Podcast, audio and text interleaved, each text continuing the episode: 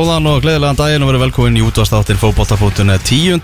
oktober, Elvar Geir og Tómas Þór með klu, til klukkan 2 í dag og uppistaðan í þættunum verður íslenska fótboltalandslið strákarnir okkar. Við ekki hann að ég var alveg tilbúin að vera á leðin á Dómus Nóa völlinu eftir að sjá leikni Grindavík en það er vist ekki bóðið mikil óvisa í íslenska boltanum. Það verður, verður líka til umræðu hjá okkur á, á eftir. Arnar Sveit Geisson fórseti leikmanna samtaka Íslands hann eh, verður á línunni, hann er búin að vera að heyra í leikmönnum með stöðu mála og uh, meðalans búið að vera að gera könnun leikmannasamtökin svona á afstöðu uh, leikmanna. Og við ætlum að fá að heyri honum að eftir og ég get bara að lofa því að það verður eitthvað áhugavert sem að þar verður á bóðstólnum, margir með hennar ímsu hugmyndir að þetta er allavega leiðinda ástand, uh, hvað voru, voru eitthvað kringu 90 smitt í dag Já, hvað, 15 daginn í röð eitthvað svo leiðis 17 daginn í röð? Já, þetta bara lítur alveg hrikalega, hrikalega illa út og uh, vonandi verður hægt að blása fótbollan aftur á 19. oktober eða þú veist allavega að leifa þeim að æfa sem að, sem að er á Reykjavíkusæðinu við, maður veit ekki neitt, eina sem við vitum er að við vitum ekki neitt. Nei, eins og Og hvað maður sagði. það er algjörlega þannig. Herðu, Arna Gretarsson, hann eh, skrifaði til nýjan samning við Káa og mikið búið að tala um það að, að hann er ekki áfram, myndi bara vera út þetta tímabil og Káa með þurfti að fara að leita sér að nýjum þjálfara. En uh, skrifaði til nýjan samning til tveggja ára. Þannig að uh, hann verður á línu eftir þetta er ekki bara að tala um Káa við hann heldur líka náttúrulega landsleikin sem að var á var á, á 50 daginn uh, svo er það einnig í, í þettunum, Freyr Alexandersson. Við ætlum að ringja í landsliðsbúbluna sjálfa, hvorki meira niður minna. Það er í fyrsta sen sem við ringjum inn í búblu. Ringjum inn í búblu. Og þeir eru akkurat á æfingu núna, strákanir en eh, Freyr ætlar að vera á línunu á eftir og þá fáum við að vita hvernig æfingin gekk og allt það. Og af hverju, hún var í, á Kaplakrikavelli. Já, ég er myndið að horfa hérna fyrir aftan okkur Það er engin æfa á lögutarsvelli Nei, völlurinn, hann er greinilega eitthvað tæpur tveir leikir framöndan og ég held að sé spáð uh, góður í regningu, mikill í regningu á morgun þegar leikunum fyrir fram. Er það bara ég eða hefur völlurinn aldrei verið lélegir eftir að Kitty fekk þetta blessaði hittakerfi sitt eða? Já, það er spurning. Þú veist, er völlurinn eitthvað að taka sig eftir að fá Ég- hita í sig? Að Því að þú veist, við tókum líka eftir þessu var ekki síðasta landsleikum út Englandi, ég menna hann var ekkit eðlilega laus í sér sko. Lögatarsvöldur er ennáttúrulega bara ekki bóðlegur Nei, nei, Og- til, að, til að byrja með sko, en hann verðist að vera svona ekstra slæmur eftir að hann fekk hitakerfi sem er mjög Nei, hann fekk aldrei hitakerfi Nú, var. Nei. hann fekk úðarakerfi Já, já. já wow, Við erum ennþá með, lög, með, með völl sem er ekki með hita, hita undir sér sko Þá meikar þetta miklu meira Já, sens já, þetta er bara svona sprinkler úðara dæmi eitthvað Já, það, Það er erum vökvan. Nó, nóg að rigningu hérna, það, það skiljið þetta mjög vel en alltaf völlurinn er alltaf bara ræðilegur En geti gera það sem hann gerir Já, það er svona við að getur. við að fá hérna þessa pulsu því ekki er hiti undir ég það er. bara hafa verið að rífa þetta er það og ég held að ég veit ekki hvað það standi eitthvað til að vera að setja hitakjörfi undir hann sko Nei, mér bara laga hlaubröðina þannig við getum frálsýþröttir og, og fótbolti næstu 20 árin. Hvað meina almáttuður sko. Ég var að- enn og aftur þegar ég var á svo leik núna á 50 daginn var hann að lappum tóma gang en þú veist, þú þarf bara að halda áfram að, að læra að elska þetta því að þetta er ekki að fara. Þetta verður ekki, þú munt ekki allan þú munt ekki starfa á landsleik uh, á, svona á þínum ferli á nýjum lögutarsvelli ég get lofa þér því. Og, og sko ég veit ekki einu að að, þetta. hvort að við komist á, á handbóltalandsleik því að eftir hérna eftir eitthvað mikið jafnli jaml og föður hjá okkur nefnd sem var að uh, skila hérna einhverju, einhverju hvað kallar maður þetta, einhverju skýslu mögulegan hérna nýjan þjóðarleikong, þessast uh, íþróttaleikong fyrir innan hús sko. Að það var að helsta sem við komum stað var að hann gæti verið í laugadalum já, ok flott, þeir að, frábæð niðurstaðan hver er það, og næstu skref? Já, það er bara önnu nefnd og svo verður svo skvillað í, í eitt svona sömaklub Það er í alvörinu svo skammarlegt fyrir þessa þjóð að við erum með þetta landslið sem er búið að fara á tvö stórmót vinna sko hug og hjörtu heimsins. Fyrir ekki, fimm stormót Já, nákvæmlega. Fimm. Fimm stórmót. Fimm Það stórmót. Já, já Svo má ekki glemma stelpunum. Nei. Og svo náttúrulega kallaliðið á barmi þess að fara inn í, inn í enneitt stórmótið. Og stelpunar Og eftir stelpurnar. sigurinn eh, jafntöf, Eftir- sigurinn á mútið Svíþjóð. Eftir að þeir vinna Svíþjóð Núna Já. setna í þessum mánu já, jafntöf mútið Svíþjóð hér á eftir að vinna Svíþjóð. Nei, menn þær eru alveg jafn mikið á barmi og strákarnir sko. Já, þú veist, þeir eru einum leik frá þessu og þetta er völlunni sem er búið upp. Þetta er, þetta er skandall ja, þetta er náttúrulega algjör djók sko um, Og fólki sem stýra þessu landi það má skammast sín herru, ég meina hugmynd mm. uh, að nú erum við að fara að sigla inn í einhverja svakalega greppu þáks ég COVID uh, síðast þegar við fórum í greppu að þá hérna var ákveðið að að fara í frábært verkefni sem var að byggja hörpu veist, að halda vinnu í landinu fyrir þá sem að voru að byggja hana og veist, upp úr því svona upp úr þeirri kreppu reis þetta mannverki sem er svona, skilur fallega áminningum um erfiða tíma. Mm. gera bara saman núna. Þú veist, búin til fullt af vinnu skullum í geggjaðan þjóðlegvang sem að nýti síðan líka veist, fleiru heldur en heldur en fótboltanum, til dæmis menning og listam og svona. Hórrum bara upp velli núna, nú er tíminn sko. Nú er tíminn, nú er lag. Nú er lag sko, Nú er lag. Lífið er náttúrulega líka lag. Lífið er lag. Herruðu, hérna með okkur í uh, stúdíónu er, þú lítur í kringu þig. Það er enginn það ég var svona, ha, svo fatt að þetta Þannig erum við að, að reyna að vera stiltir og, og prúðir og tökum þetta bara ekki nú síma okkar viðmælundur í þættinum í dag. sjálfsögðu. Sjálfsög, við bara stöndum saman öll í þessu. En það er landsliðstreya sem er hérna með okkur Árituð af strákunum okkar Nýja landsliðstreyan bláa frá Pummu. Alveg geggjuð, þið getur kíkt á eh, samfélagsmiðluna hjá .net til að sjá það Fá sönnun þess að hún er hérna með okkur, þessi treya já, Og við ætlum að gefa þessa treyu til uh, heppis hlustanda Við ætlum að bræða á leik. Leikurinn er einfaldur. Þú setur upp uh, svona úrvalslið Íslands. Uh, Frá því að þú byrjaðir að fylgjast með íslenska landsliðin ok, Bara í þinni tíð já. Bara settu saman bara bestu 11 í íslenska landsliðinu.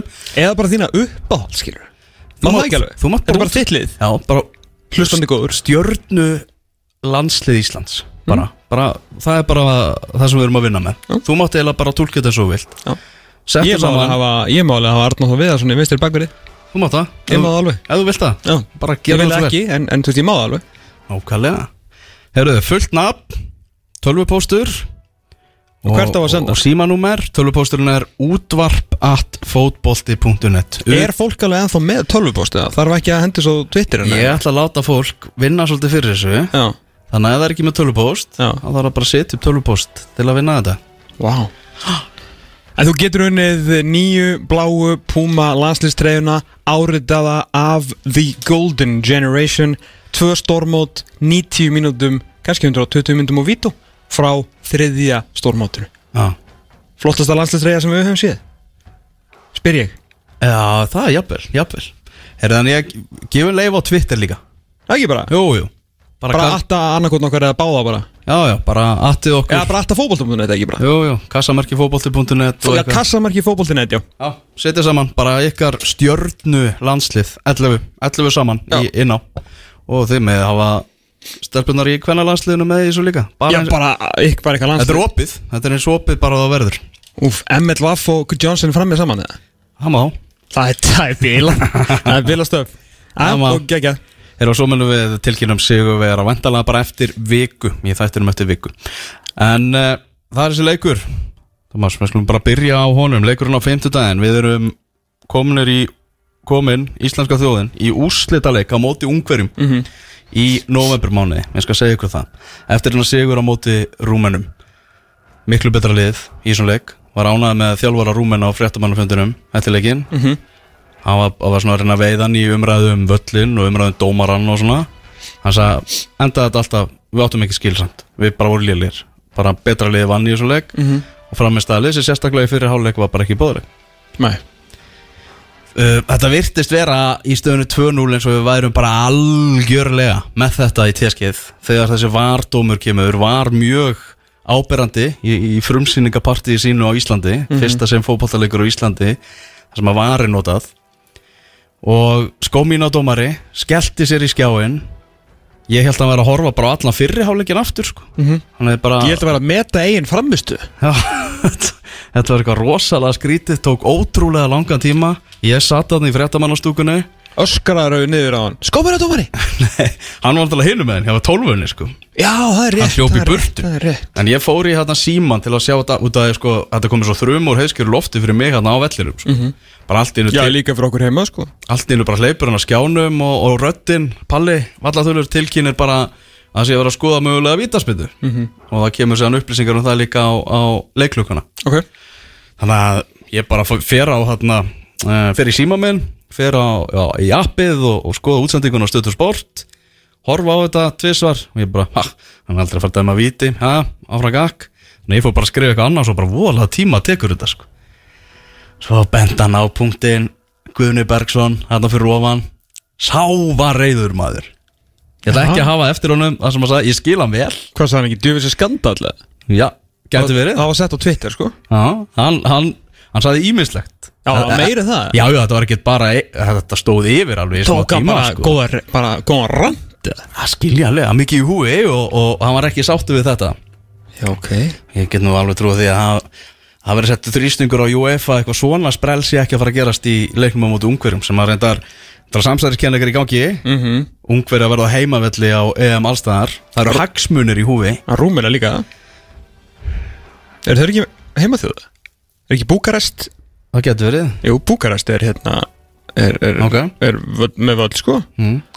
en sérstaklega þú veist við erum í ungverjalandi og það er, þú veist það er, það er þetta geta enda alls konar sko. Uh, jú, Búkarest er, með, við erum búin að henda einni geskjóða þjóð Já. sko út þannig að ef við fyrir sér að henda líka öðrum þannig að það verður ekkit, ekkit frábæð þetta var alltaf mjög leiðilegt moment en, en fyrst að hann fór hann í skjáin þá náttúrulega er þetta rétt samkvæmt lagabúkstanum maður var auðvitað trilltur og auðvitað þurfti hann því náttúrulega að taka þarna 47.000 endisringar í að sjá þetta. En á endanum þá er þetta nokkuð greinlegt olbúaskot hjá Ragga. Hann, hann, veist, um leið og hann fór í skjáin og maður sá fyrstu endisringuna ég skil ekki okkur sko, dæmi sko mína sem er einn svo albest í heiminum og dæmdina leika annars frábælega sko. ótrúlega gott flæði honum ótrúlega gott flæði. Og líka hann er með svona Colina effekt Áran. það skiptir engu máli ef eitthvað svona brýtur af sér með þess að Kári Átnason þegar hann tók eitthvað strau og ætlaði sinna að fara að mótmæla þá tekur hann bara svipin veist, ég get ekki syngt eitthvað svipin í útvarpi en hann bara svona, það kemur einhver svipur á hann sem er svona, ég ræð en þú veist, ég er svona ekkert eitthvað yfir þið hafinn skilur bara drullar í burtu og þetta er bara áfram gakk og það verður allir eins og lömp þeir bara, á, ok, ok, ok, ok, þú veist, það er algjör og geggjaður. En hérna Sko, ég var náttúrulega mjög ósáttu við þetta, ég veit ekki hversu miklum tíma við með eða sem náttúrulega var dæmt víti. Þar sem náttúrulega gæði náttúrulega aldrei að fara að ná boltanum því að Aron Einar rís hann að hæstis og fuglum föðnings og skallar þetta í burtu. Hann er aldrei að fara að ná þessu. En þetta er vissulega sá rúminni sem á mestan möguleika ná boltanum. Og ef að eitthvað hefði gerst hef, hef Aron hefði ekki hitt boltan þá hefði hann ekki komist í hann því að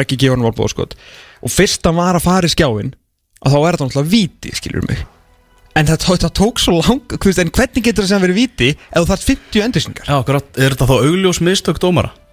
alls ekki. Þegar þú þarfst að vera að skoða þetta í korter sko. Nei, einmitt. Reyna að finna þetta eitthvað staðar.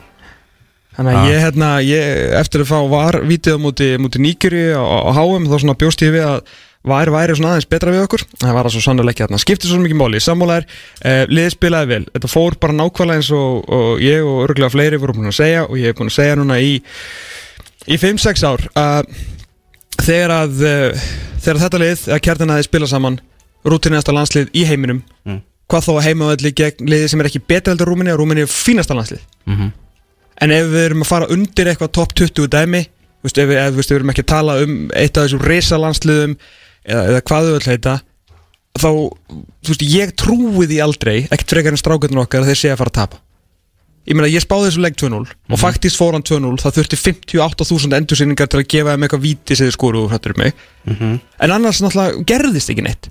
Hann er svo bara sallar rólegur hérna í markinu Þú veist, þeir áttu svona einhverja svona Valla hægt að kalla þetta hættulega sóknir Engin færi af einhverju viti veist, þeir áttu bara ekkert sens í íslensku vélina Hvernig hún mallar og siglir bara frá hægri til vinstri Bara í rútinu sinni bara Sækja hérna skilur fjóri fyrir tveir Verðist í fjóri fyrir meitni, fjóri fyrir tveir Og bara svona sveiflast frá hægri til vinst- vinstri eins og bara fallega alda á leiðinu Nötolsvík skilur Þetta er svo fokkafullt, þú veist, hversu oft hefur maður síðan nákvæmlega þessa Nei, menn þeir áttu ekki breyk Þeir áttu ekki breyk uh, Og fyrir utan að, að það voru bara allir líka að spila vel, skilur Þú veist, það var engin farþið í þessu liði.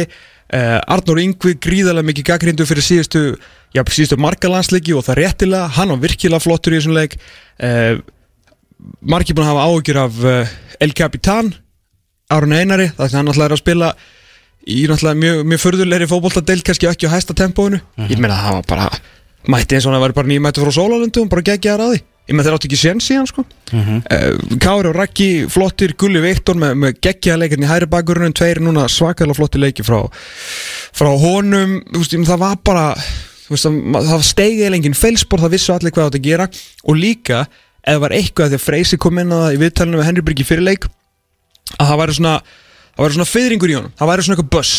Þú veist við erum búin að fara í gegnum einhverju undakefni það sem er alltaf einhverju meittir við erum búin að harka út einhverju úrslit, náðum á endanum ágætis árangrið þáttur að það væri ekki nóg skilur mig? Og það var alltaf eitthvað svona uh, veist, þess ekki með, þess ekki með gekk ekki hér, da da da fattur, eitthvað sem við vorum, við vorum búinir að vera rosalega óvanir í rosalega langan tíma. Allt í einu, holy moly okkar sterkasta lið. Og hver hafði ágjörð þessu? Og ég skildi alveg bössi á Freysa, af því að Freysi vissi svo við að við varum að fara að vinna hann leik. Veist, þetta er ekkit sérstaklega flókið, sko.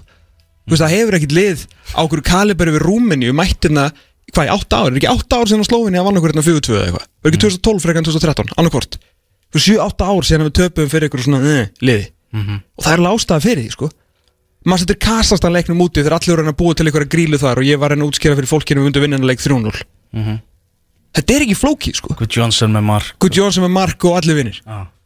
Þessi lið, höllinni, þetta kaliber af fótballtaliðum getur ekki unni íslenskan landsliðið ef það spilar eins og spilaði mútið rúminu Mhm. og við erum með fullt af síni dæmi um það sko. Þú þarft að heita Belgia eða Frakland eða sko Brasilia eða England eða eitthvað til að skilur maður fer eitthvað svona í alvörun að skjálfa í njánum fattur. Það er bara rútina sem er komin í þetta lið. Að því sögðu fer, ekki, ekki í England, maður fer ekki að skjálfa á byrjunum Nei, ekki með þessa miðju. Að því sögðu að þá er þú veist það er ekki mikið eftir þannig þú veist. Já, jú, þeir vita það sjálfir. það var svolítið að henda þeim alltaf öllum Gamla og í- bandið. Gamla bandið. Og hvað var það? ég fór ekki að svona leika mér einhverjum trúbróts gamla bandið pælingum með það síðasta lögða og það var bara einhver sögulín alla vikuna. Já, já, gamla bandið maður. Gamla bandið, er ég ánað með það. Herru, eitt líka Gilvi Þór Sigursson mm. já, við erum aðeins að hérna ótrúlegu maður Mm. hérna, það er, of, það er sjaldan sem maður getur einhvern veginn talað uh, sagt eitthvað hvað maður segja, nýtt eða reynd svona að rifja upp einhverja sögulínur um Gilvi Þór Sigursson því að vita allir hann er okkar langbesti í landslismæður fyrir upphæði Mhm, Og algjört lím og líkill í því þessum árangri sem, við, sem að landsliði finna Og þessum ævintýrum og draumi ef við setjum aðeins, þú veist, framistu hann sérstaklega í fyrirhálegnum aðeins í smá samingi, sko. Að mér fannst þessar fyrir 45 og raun og veru 90, sérstaklega þessar fyrir 45 bara svona settu í eitthvað svona í eitthvað svona eitthvað samhengisbolta bara svona kristalkúlu um hvað hann er og hvert hann hefur náð skilur, og hvað hann hefur gert fyrir, fyrir lið og land og sérstaklega land bara frá því að hann kom inn í þetta landslið. Ok, það sá allir fagnir hjá honum og veit allir hvað, hvað það þýtti uh, þó að línu minni hafi verið stólið í vikunni að þá var þetta bara maður í verkefni í þessum leik. Uh, náttúrulega hryllilegur harmleikur sem að uh, hann og tengda fjölskyldan hans hefur verið að gangi gegnum.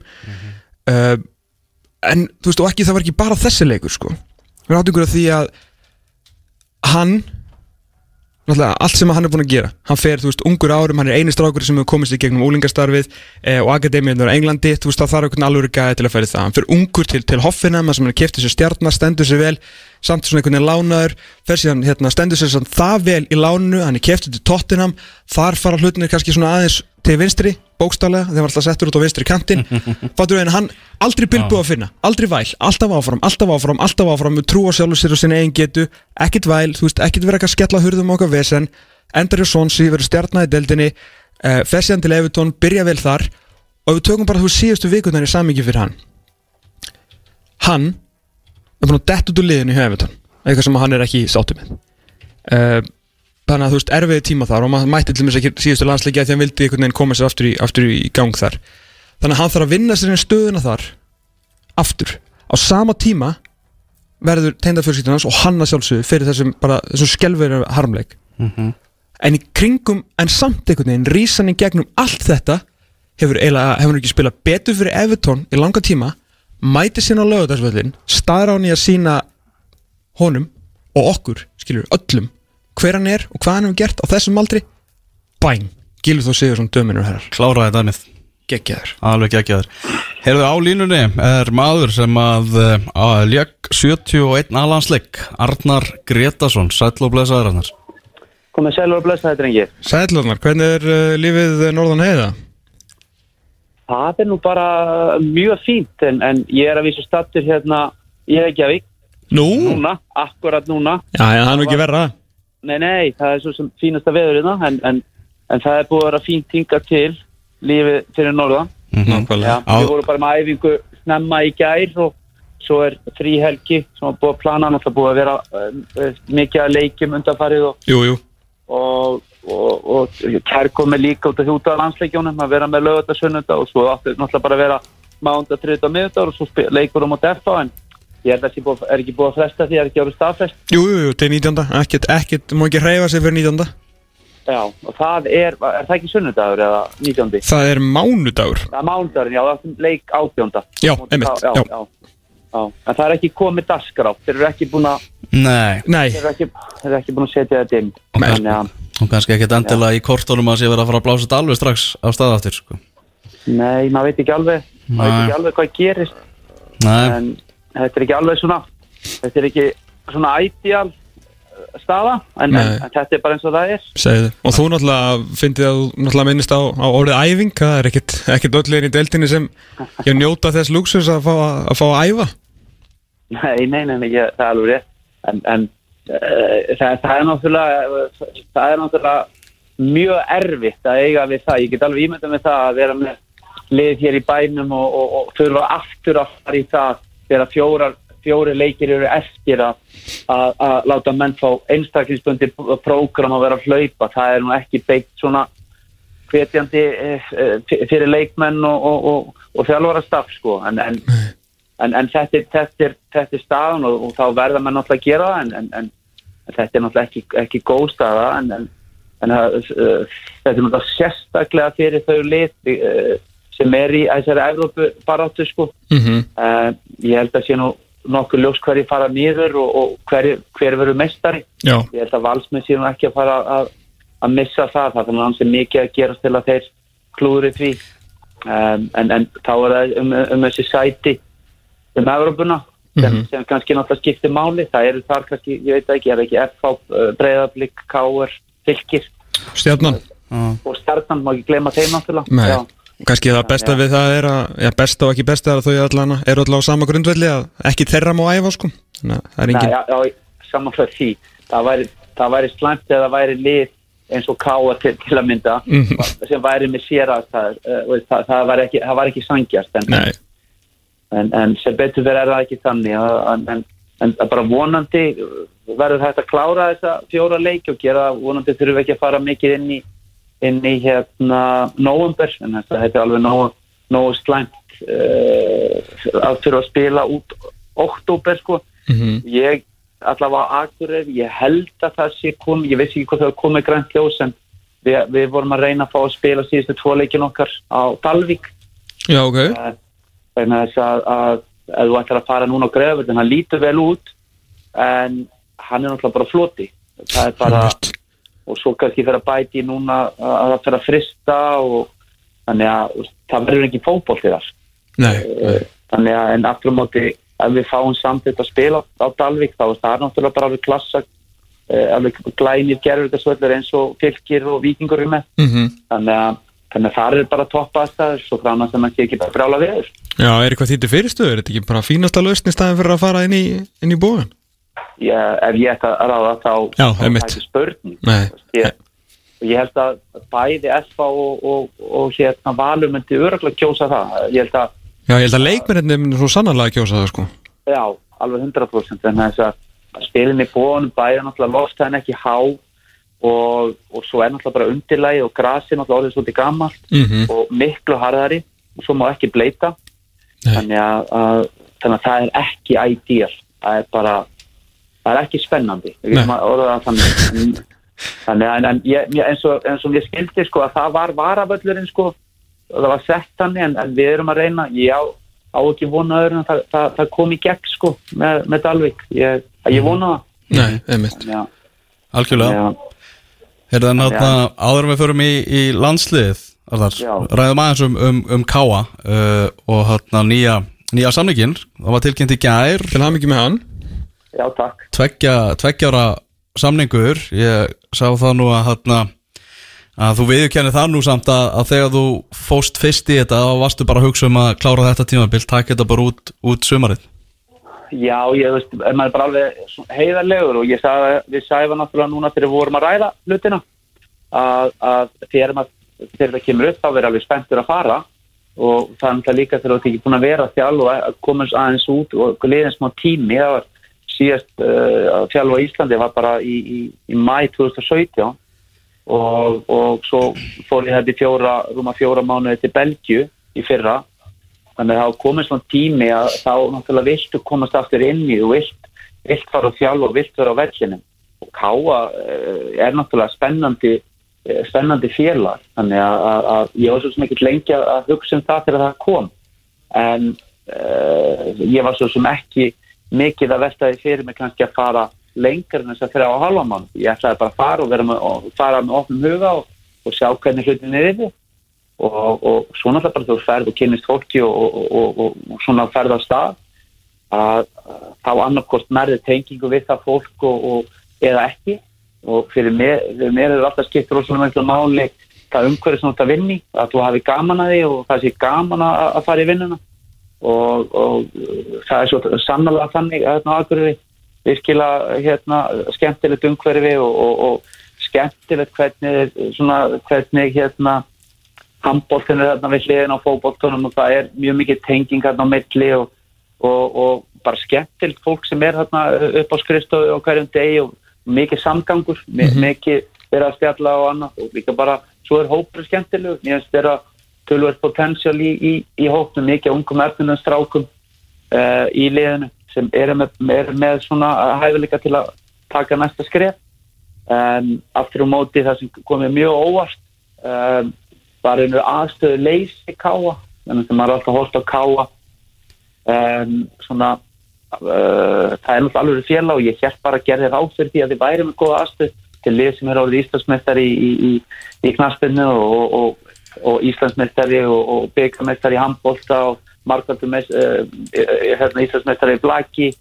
Þannig að maður ekki bjóst bara að vilja að væri góð aðstæð fyrir, fyrir knaspinunum en, en það er svolítið svolítið langur vegu frá. Uh, og, og það er eitthvað sem þarf náttúrulega að fyrst að breyta sem fyrst. Og, og, hérna til þess að káa geti uh, virkilega kæft svona við þessi félag sem eru hér þannig að, að, að ætla sér að vera á greiðavellinu sem er uh, orðinlega uh, barsins tíma og það er ekki búið að skipta mundilega í, í langan tíma að, að það treinast ekki völlurinn og svo fyrir utan það að þú ert á Akureyri það sem er kannski með snjó já, láma fjóra til sex mánu ári. Það fyrir eftir hvernig þú spyrir hendar Já, því sem, segja þessi alltaf frábært stöðu sko. en, en, en, en ég held að það sé alveg að, að við farið þar er ekki ætið fyrir vennast græs það er náttúrulega verið mikil umræð því þekkir það báðir að mikil umræð að gera að, að reyna að fá öll kannski bara ákjörfi græs og, og flóðljós og þá er þetta lengja tímabilið og, og svo framvegð mm -hmm. um, ég er þar og við tala fyrir því í, í, í langan tíma að við viljum taka næsta skref. Ég held að það sé bara gott að við sjáum valsmenn og þegar þeir fengur gerðugræsi hvað eru þeir í dag.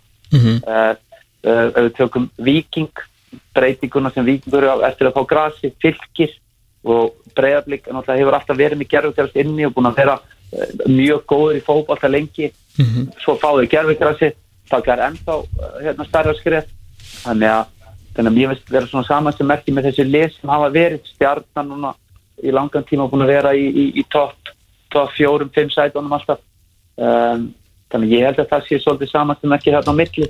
Menn getur alltaf eftir sama grasi og þú getur eftir góðar aðstæðar og, og, og það er bara það sem týrst að koma á, á akkurir á mínum veitu og ég held að það sem verður að vinna á full að hörðum höndum í því. Og það getur náttúrulega orðið svolítið en maður sleppir game changer fyrir ká Já, einmitt, einmitt. Uh, en hérna, hvernig verður því svona þínum höfum uh, háttað? Verður áfram á, á hérna, á milli borgar og bæjar eða hérna ætlar að fara að flytja það í norður eða? Uh, eins og þetta hefur verið núna, þessi þrýr mánuðir, eða tæpir núna, ja, þessi þrýr og halvur sem ég á að vera, það hefur hérna bara verið fyrir norðan. Um, svo hefur það bara verið eftir hvernig prógrami er hjá okkur. -huh. Ég, eftir svona, ég breytið eftir ég var í, í fór að þjálfa í Belgiu þá settu það þannig upp að það var leikur laugadag og laugadag þá vorum við alltaf með þrý daginn eftir leik mm -hmm. og aðeins svo næsta dag og ég hef haldið því ástæðan fyrir, fyrir því líka að ég reynir þá að fara yfir leikin og vera búin að klippa leikin og, og, og, og mynda með svona ákveðna skoðanir eftir leikin og haldið maður að afgriðt leikin næsta degi yfir leikin mm -hmm. þannig að maður mætur á æfingu. Og annað sem ég hef spíkað að vera gott við þetta það sem er mjög algengt er að menn mæta daginn eftir taki endurhendu æfing og svo frí á öðru degi.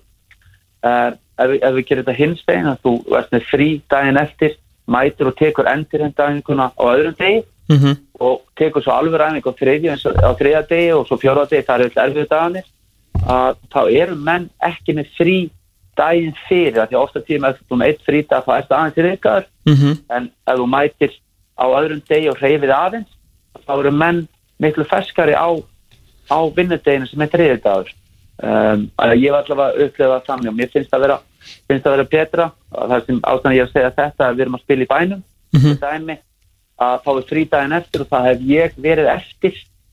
Og, og, og farið svo hérna tilbaka á uh, hérna á æfingadeginu, bara kert snemma tilbaka, annars er ég bara fyrir norðan. Ég, ég er ekkert að kera á milli eða eitthvað slikt, þannig ég og það er planið líka núna að eftir móti klára uh, þegar móti klárast þá er planið að vera ég verði bara hér fram árumótin og svo bara í byrjun ást uh, hérna 2021 þar í janúar að að þá, þá flytjum við bara norður og ég verð fyrir norðan nema bara það að sé hendi þannig að við sem að spila fyrir sunnan og það er kannski frí daginn eftir og þá fá maður að taka uh, dag með fjölskyldinu eða eitthvað, eitthvað slíkt eða helgi með fjölskyldu. Mhm. annars verð ég bara fyrir norðan. Þannig að ég, ég held að gangi ekki vera að- skjótast fram og tilbaka. Það, það bara virkar ekki. Að vera þjálfar í dag það er bara það mikið vinna. Og veist, að undirbúa að vera inn í öllum hlutum fara yfir leiki og ímestlegt og það þarf að gera eitthvað hluti eða eitthvað viti að, að, að það þarfstu bara að sinna þessu. Það er bara þannig. Mm Þú talar um, um leikmannópin áðan, ánaða með hann og, og ungi strákar að koma upp og svona.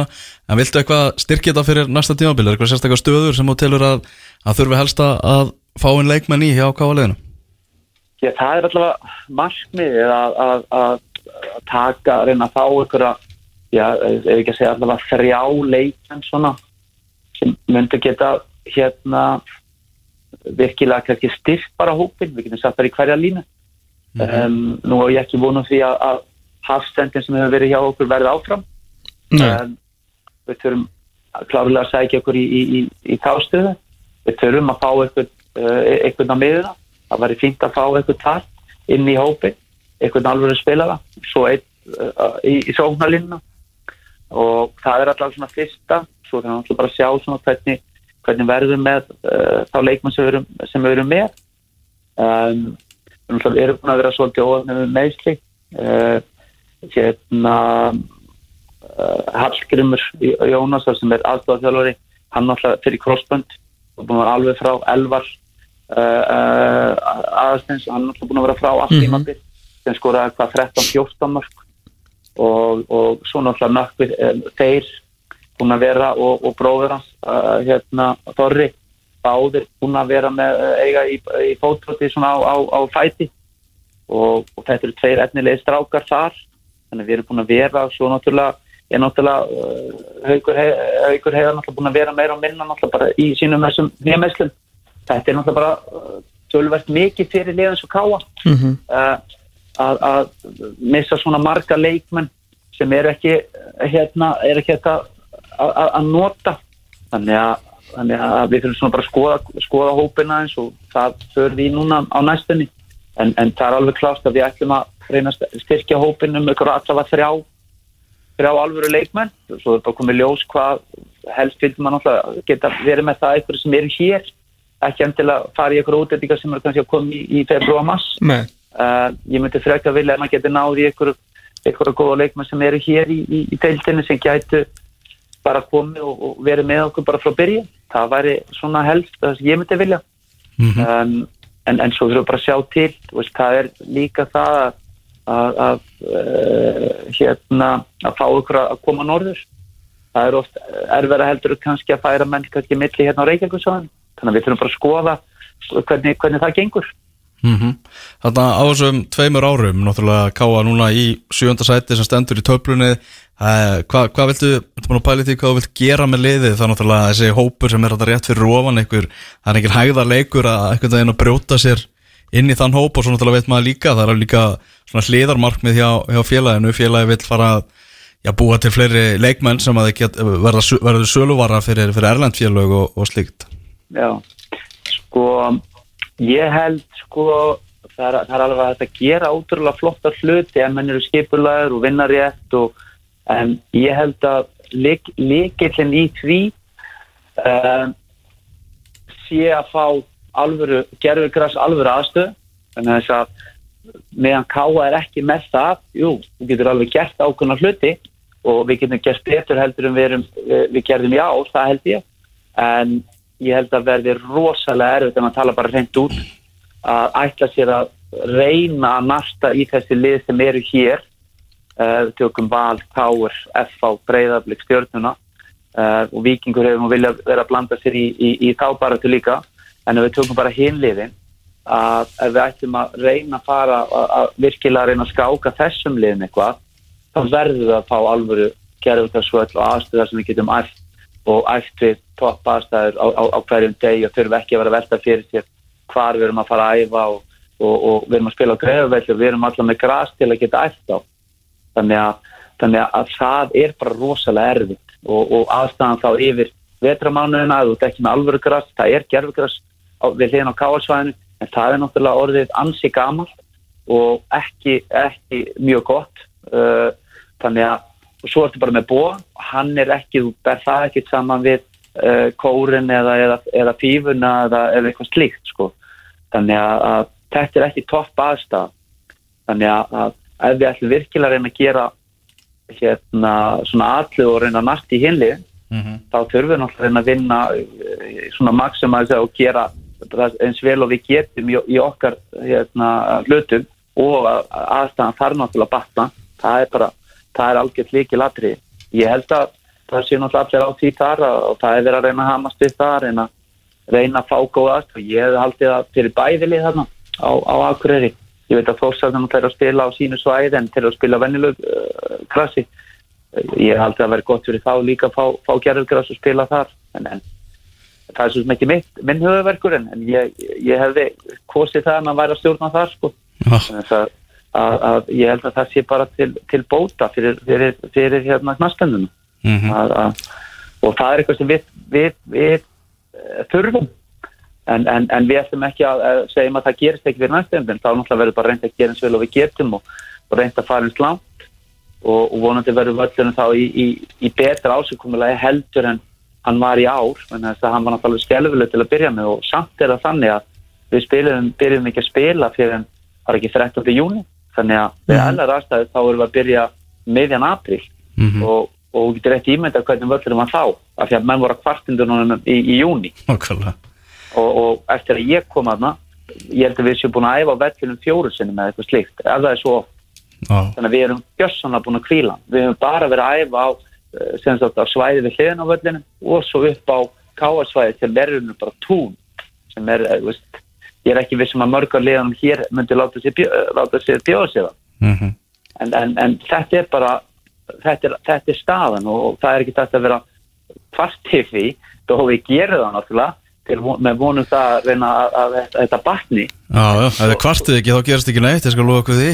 Já, það er bara svo leitt en, en, en þú veist ekki alltaf kvartandi fyrir það mann leikmenn þetta er bara eitthvað að þetta er staðan og við þurfum bara að æfa og gera best úr því. Já, svo er náttúrulega Akkur er búið að breytast náttúrulega í kartem og inn í, í pólitík sko, nú eru allir í sama liðinu sko, spurning hvort að það skil ykkur ykkur Já, þú meinast mm. ég, hérna, já, ég, ég vona að þetta munir skil ykkur hérna, þannig að það skiptir bara það miklu máli fyrir okkur og það er eins og ég sagt, ég held að það geti gjört breytt ansi miklu fyrir félagi mm -hmm. fá alvöru græs ég, ég sé allavega mikil mun á liðinu núna á þessu stöytta tíma sem ég hef verið. Ég veit alveg að, að, að, að það kemni uh, hérna toppgras að við myndum taka stórskref uh, fram á því. Ég, ég, maður sér bara veist, bara mjög nærtækast að dæmi þar sem maður sér fylgir, bara hvernig það undarfærum ákveðin fylgir hefur spilað mm -hmm. fókbólta, hefur verið svona svolítið kraftafókbólti, rosalega dögulegur alltaf, það er ekkit breyst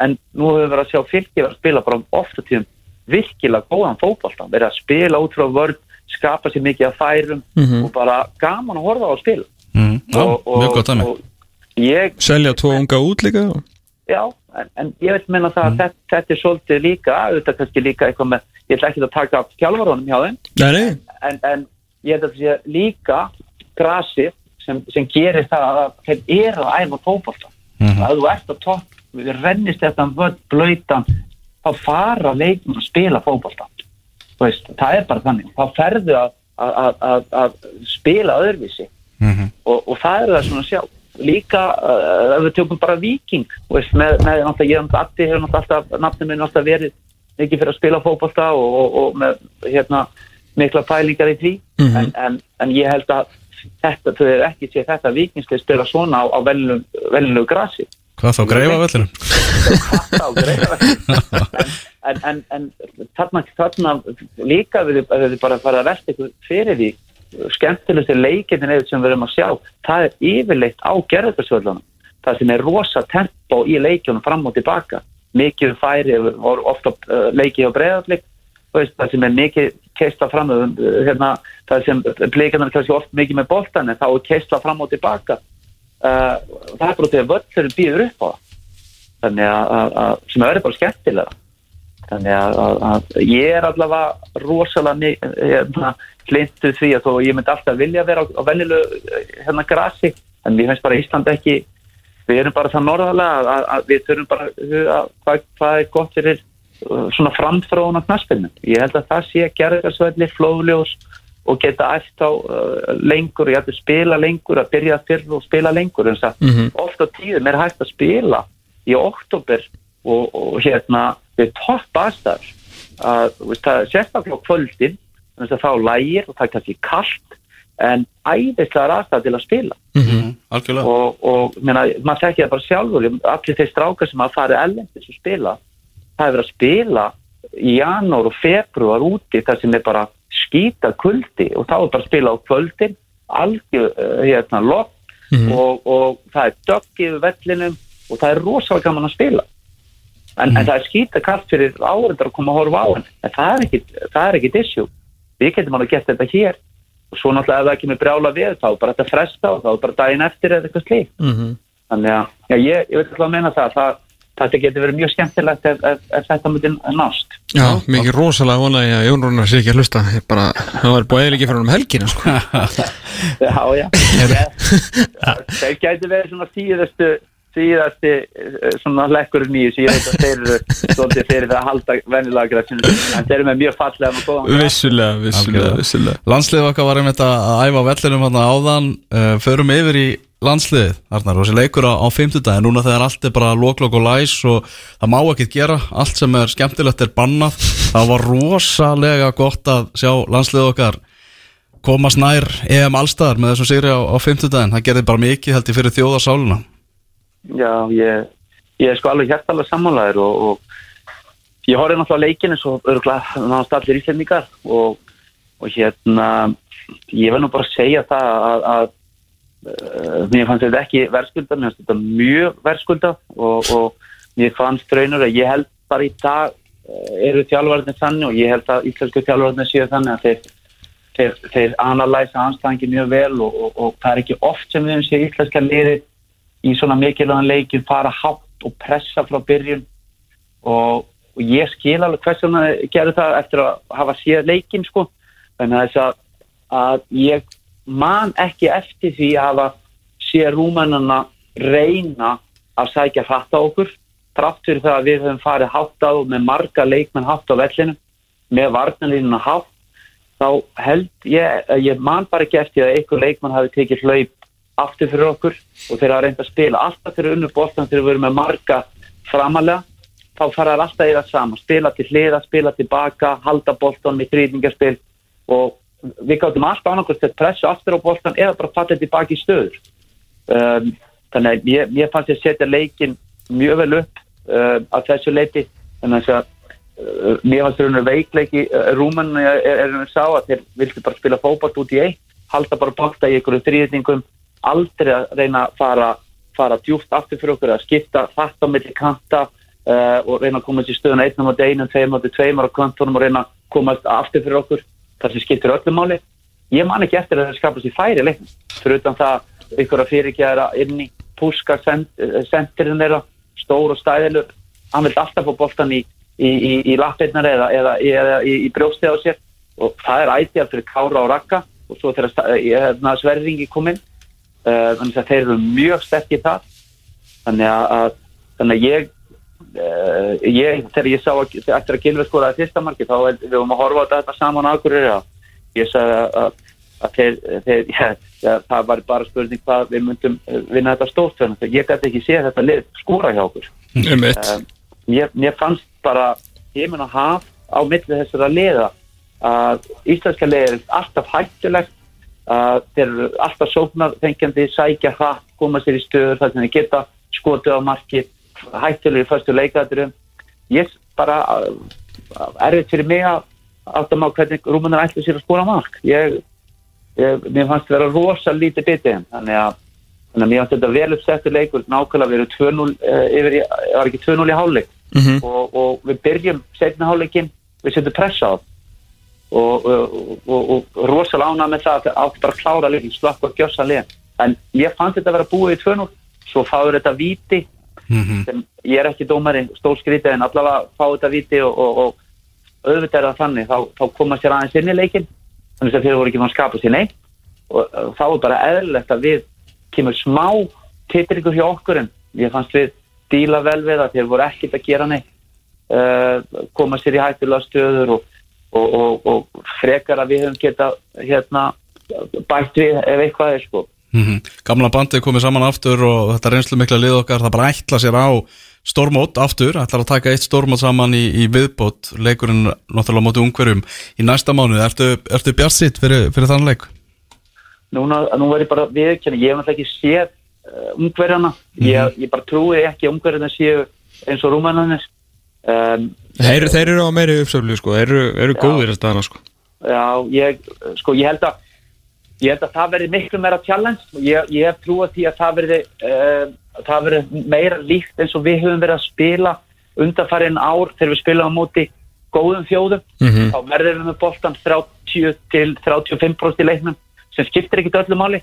Uh, en þá held ég að ungverðin munum stjórnaferðinni meira vera með pressu uh, á okkur hátt uppi uh, sem er ekkit vandamál af því að ég held að þeir séu meira direkt ef við ætlum að fara hátt á þá, geti það uh, hérna verið uh, hérna vandamál af því við erum ekki kannski endilega með fljótustu vörnina. Nei. þannig að það er svona held ég að, að við komum kannski ekki til að gera. Nú er ég að segja eitthvað sem ég veit ekki nákvæmlega en mér þykir mjög ólíklegt að lið eins og ungverðarland sem hefur verið að gera ágætis hluti að þeir séu með svipalið á Rúmeni að, að, að þeir séu bara í að halda bolta. Þeir hljóta vera meira direkt Mhm. fara aftur fyrir og, og skipta boltanum og, og, og svona miklu beinskeittari heldur en rúmanska liða því að mér fannst þeir rosalega lítið beinskeittir að, held ég að- uppleggi þar verði kannski aðeins öðruvísi og þá munum við fara meira í það sem við höfum verið í gegnum tíðina falla vera þéttir uh, og, sækja hratt við erum alltaf með menn á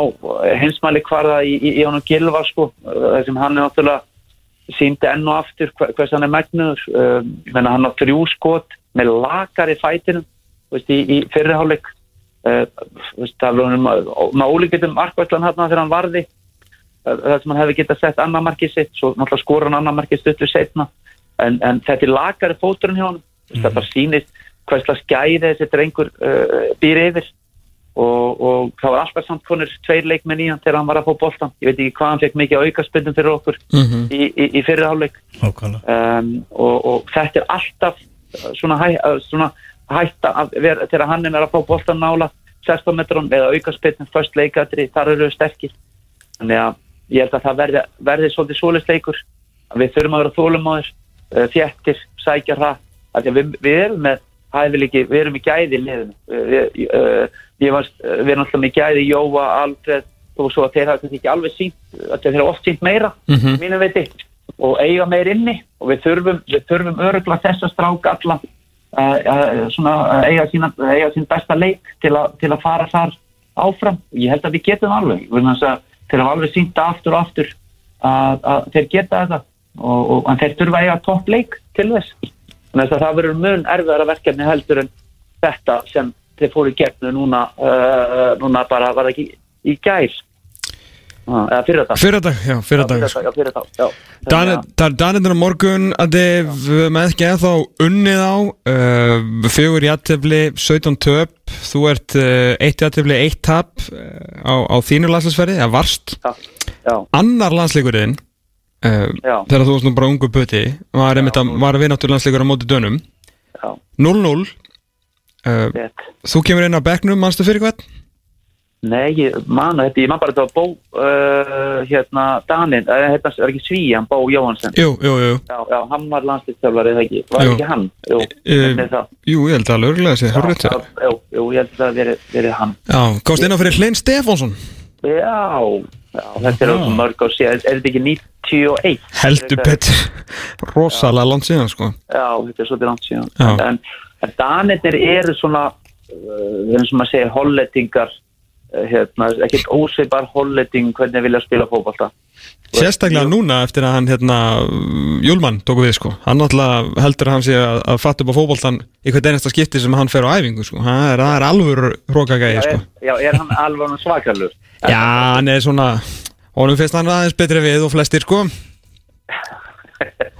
en þeir hafa alltaf verið svolítið, Danin er svolítið, hann er, uh, er arrogant Já. og Danin er svolítið þannig líka. Mhm. finnst svolítið hann hafa uh, fundið við fótboltan og, og, og, og þeir, þeir hafa náttúrulega gefnum tíðin að verið að, að hérna, marga góða knassbyrnum og spila skemmtilega knassbyrnum en, en ég held að við höfum alveg núna í gegnum tíðina því að, að, að það er ekki aðalatri hérna, að halda bolta. Við höfum séð Barcelona oft jú, þegar Messi var uppsett best og í næsta og allir þá gáttu við haldið bolta endalust og unni alla leiki Mhm. en, en svo hafa þið líka lent í því að vera með boltan 65-70% leikjum en ekki unni leiki Mhm. þannig að, að það eitt og sér fyrir mér er það ekki aðal markmið en, en markmið er að skapa færi sko að, en, en ég held að að spila móti dönum það, það er alltaf verfi uh, þeir eru alltaf með gott, gott fótballtali þeir eru með góða leikmenn í liðinu uh, í, í, í flestum stöðum og, og, og þetta verður alveg verkefni uh, hérna fyrir landslið ég held að þetta verður ekki uh, það er alltaf verið bara einhvern veginn alltaf erfitt að spila á móti dönum ég bara í gegnum tíðina mm alltaf, uh, ég man nú eftir hérna leiðilega leik á móti dönum, það var hérna í parken ég held að hann tapa 6-1 eða eitthvað. Já, Rólur, þeim ekki Nei, það var 6-0, já, ok, ég með bara skemmtilega 6-1 sko. Já, sko líka með sko hálf fullan parkin það var svo mikið stemning að einhverjum ástæðum fyrir hennar leik að hérna, þá voru bara einhverju, þú veist, 5.000 íslendingar. Já, já, ég veit að þetta var ég að þetta var enn alveg ótrúð en þetta var samt ótrúlega leikur. Það voru menn hérna sem Grafisson og Tofting, ég man ekki þetta Grafisson að skora marg sko 30 metrum þetta var svona einn af þessum dögum það sem það gekk hans mikið upp hjá dönunum, en ekki það. Uh, við vorum ekki, áttum ekki okkar besta leik þarna. Nei, þannig að það hafa alveg komið, komið svona dagar á móti dönum en, en ég á ekki vona því að það verði verði verði, uh, verði hérna uh, það sem muni gerast á morgun. Ég Nei. held að, að það muni vera jafnari leikur en, en ég held að það muni samt vera svona leikur þar sem Danirni muni svolítið uh, stjórna ferðinni og, og, og, og svo er bara spurning uh, hérna náðu að skora skora undan þeim og, og, og gera þetta svolítið skemmtilega því við getum alveg vunnið á. Er, þetta sé ekki spurning en, þetta verður þetta verður verðið verkefni. Það er spurning. alveg, alveg bótt hér. Heldur betur. Arna Gretarsson þjálfur í Káa í tvö ári í viðbót eh, til hafingi með samningin aftur. Takk fyrir að taka síman, alltaf gaman að eh, heyri er við heyrum síðan bye, dag. já, sumleðis, bye bye. Já, þetta var eh, Arnar Gretarsson Já, fórum var að hérna fórum við sviðið. Já, heldur betur. Káa landslið og alla bakkan uh, Kári ekki fótbrotinn Frábæra fréttir í að hann er, er ennþá möguleik að hann verið með í þessum ungverðarleik Hann er ekki að fara að vera með í, í þessum þjóðatildaleikjum sem framöndan eru. Nei, uh, Náttúrulega 21. landslið Þeimleik var, var frestað í óvíst hvað verður hvenær hann- gert til það? Það þarf verið að finna eitthvað dag til að, til að spila hann. Þeir mættu hérna í fílu för. En hvað, af hverju var okkur bara ekki dæmdu sigur? Það eru bara reglurnar eru greinilega eitthvað þannig. Já, ég hef alveg vilja sjá hvað hefur gerst eða við hefum verið komin í heimsók til ég veit það ekki, finna eða hvað sem þeir hefur viljað spila hann leik sko. Með bullandi COVID og allt eitthvað Já, eitthvað. segir mér að þetta er nú verið aðeins öðruvísi. Já, eitthvað, eitthvað verið það. Eru góð tíðandi fyrir fjölnismenn sem að hafa ekki haft kannski mikið efnið til að glæðast yfir en Hans Viktor, þeirra fyrirliði hann Já. er búin að skrifa undir nýjan samning uh, út 2022 Nei, þannig að það ætti nú að geta að gefa mönnum aðeins svona byrjundir seglin ok, vel gert. að eitt, ég, eitt þeirra besti leikmaður og fyrirliði sé, sé búin að króta undir nýjan samning. Á erfiðum leikmannumarkaði uh, þá var ég alveg búin að ákveða það að- að hann væri nú á förum sko. Það væri nú pottet eitthvað lið sem væri til að taka taka hans sko, en það flottu leikmaður. Nákvæmlega. Það var hérna eitt meðan danaleik hérna 6-0 Ég tók hérna eitt af mínum fyrstu Þetta er bara að vera annað að þriðja helgavitali sem ég tók þegar ég byrjaði sem, sem svona launaði blaðamæður á 10 2008 var við Alla Eðvaldsson heitin Mm. og hérna geggjaði heitin sko.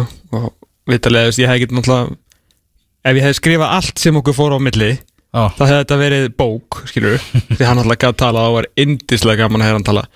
Þá var hann að segja hérna, eftir hérna leik, að ég var að minnast að það var svo mikið íslendingum hérna, ég man sko eftir hérna, Maggi Maggi Ingvas, okkar maður í, hérna, í FB mm. City maður hann með þess að feldinu kennslu hérna á föstudeginu því hann var að fara út sko á okkur puperi með hérna vinnu sínum. Því það var bara, ég held að bara allir kennararnir í FB og þú veist það voru nokkur þúsund íslendingar á þessu leik.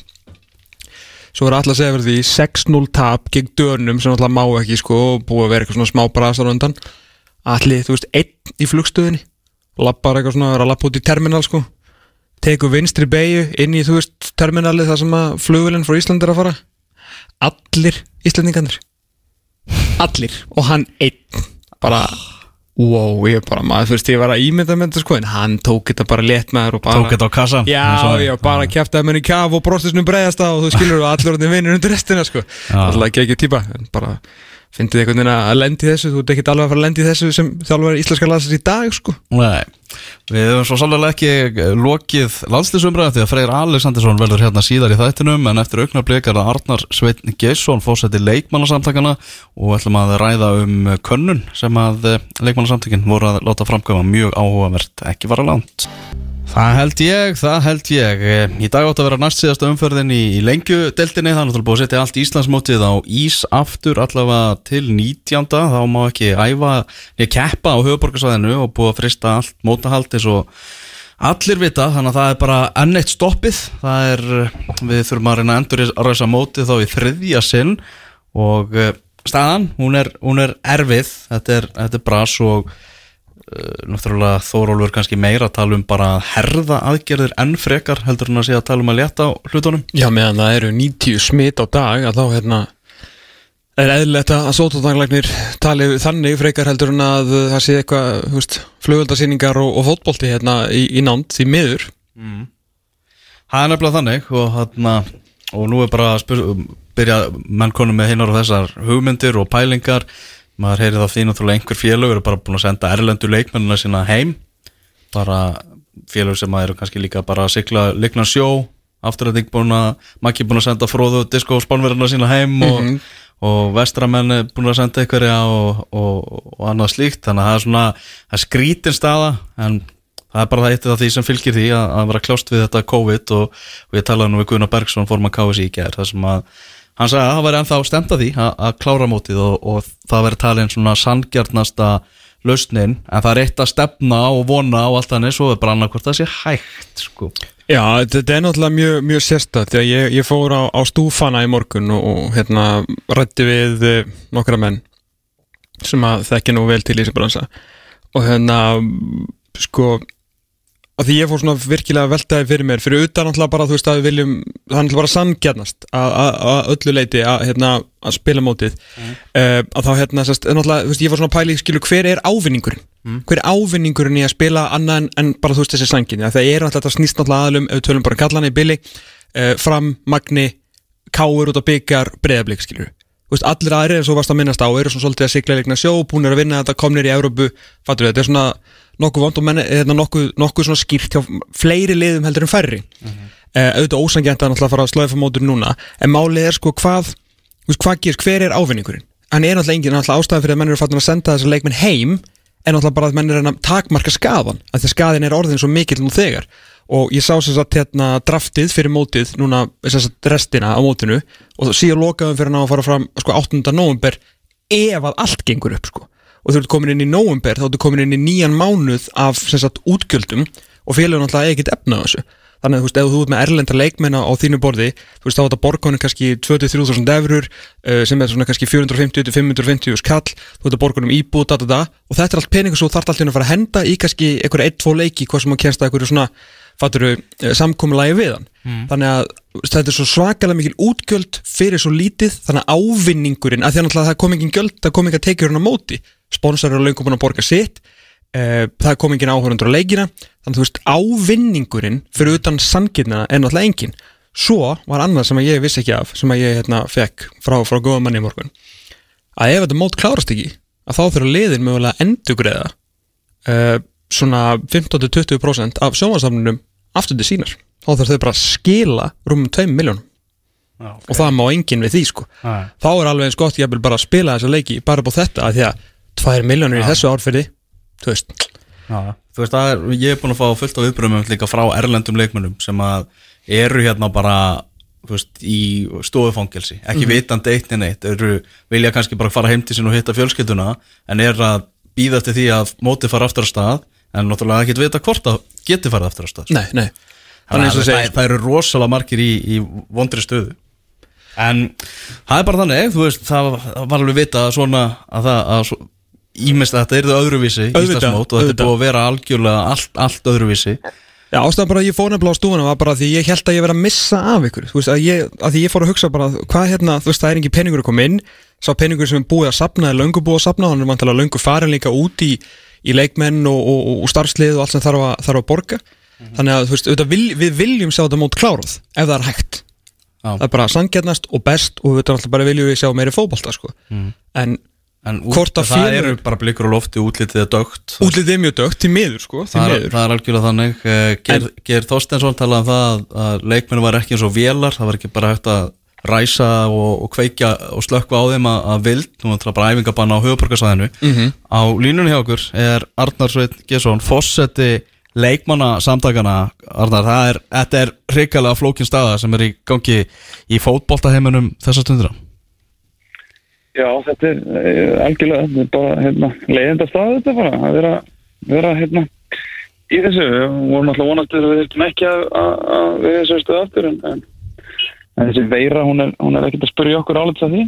Nei, Nei, eitthvað, eitthvað minna að því sko. Þannig að já, þetta er, þetta bara leiðenda stað og, og, og erfið stað að vera alla hvort sem það eru þeir sem að, að sjá um að skipulegja mótin eða, eða þá sem er að spila leikina sko. Já, allt sem við vorum að tala um þetta rétt á varandi, þú veist, tekjur inn, tekjur út, senda leikminn heim og allt þetta á endanum snýst þetta bara um þessa 22 pluss 6 cirka bát sem að hérna, spila hvern leik, bæði Max til hvern að kalla og, og öllum þessum deildum og, og þú ert nú í forsvari fyrir það og þú hérna varst nú uh, með uh, könnun uh, svona á milli leikmannana sem að kannski hafa því miður verið svolítið út úr umræðinu oft í þessu, í þessu kóðdæmi en þú er náttúrulega gert vilja að halda þeim inn í henni. Uh, segðu okkur aðeins hérna, hvað, hérna, hvað þú hefur verið að brasa svona síðustu dögum með þetta? Sko, já, við svona ákvaðum í, í, í ljós þess að þetta sem kannski þessi stað væri komin aftur og það kannski frekar svipu þeirri stöðu sem var, var hérna fyrir í, í sumar. Mm -hmm. uh, og, og þá kannski svona vildum við kanna bara það hjá leikmönnum og, og svona hva, hvað það er sem að leikmenn kannski vilja því að eins og þú segir þá kannski gleymast þeir oft og, og, og, hef, og hef ég í því samingi verið kallað Solveig Anna fókváltamann og ég, ég, te, ég tek það bara, bara með, með miklu brosi. Þetta er mjög skemmtilegt.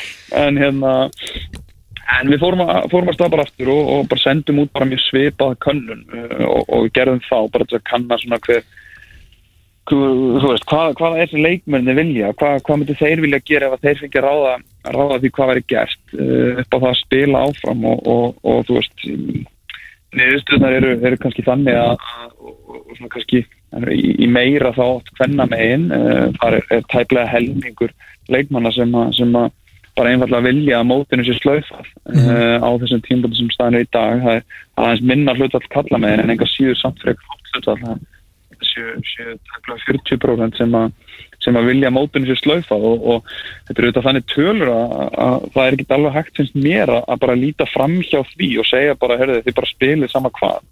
Um, aðstæða leikmanna eru þetta bara mjög mismunandi og, og og ekki heldur gleyma því að þetta snýst ekki bara um leikmannin sjálf þetta snýst líka um aðstæðar hans heima fyrir. Þetta snýst um, ég menn, er, er hann með, með fóreldra sem jafnvel eru veiki fyrir eða, eða, eða einhver, einhver nákominn sér sem er veikur fyrir?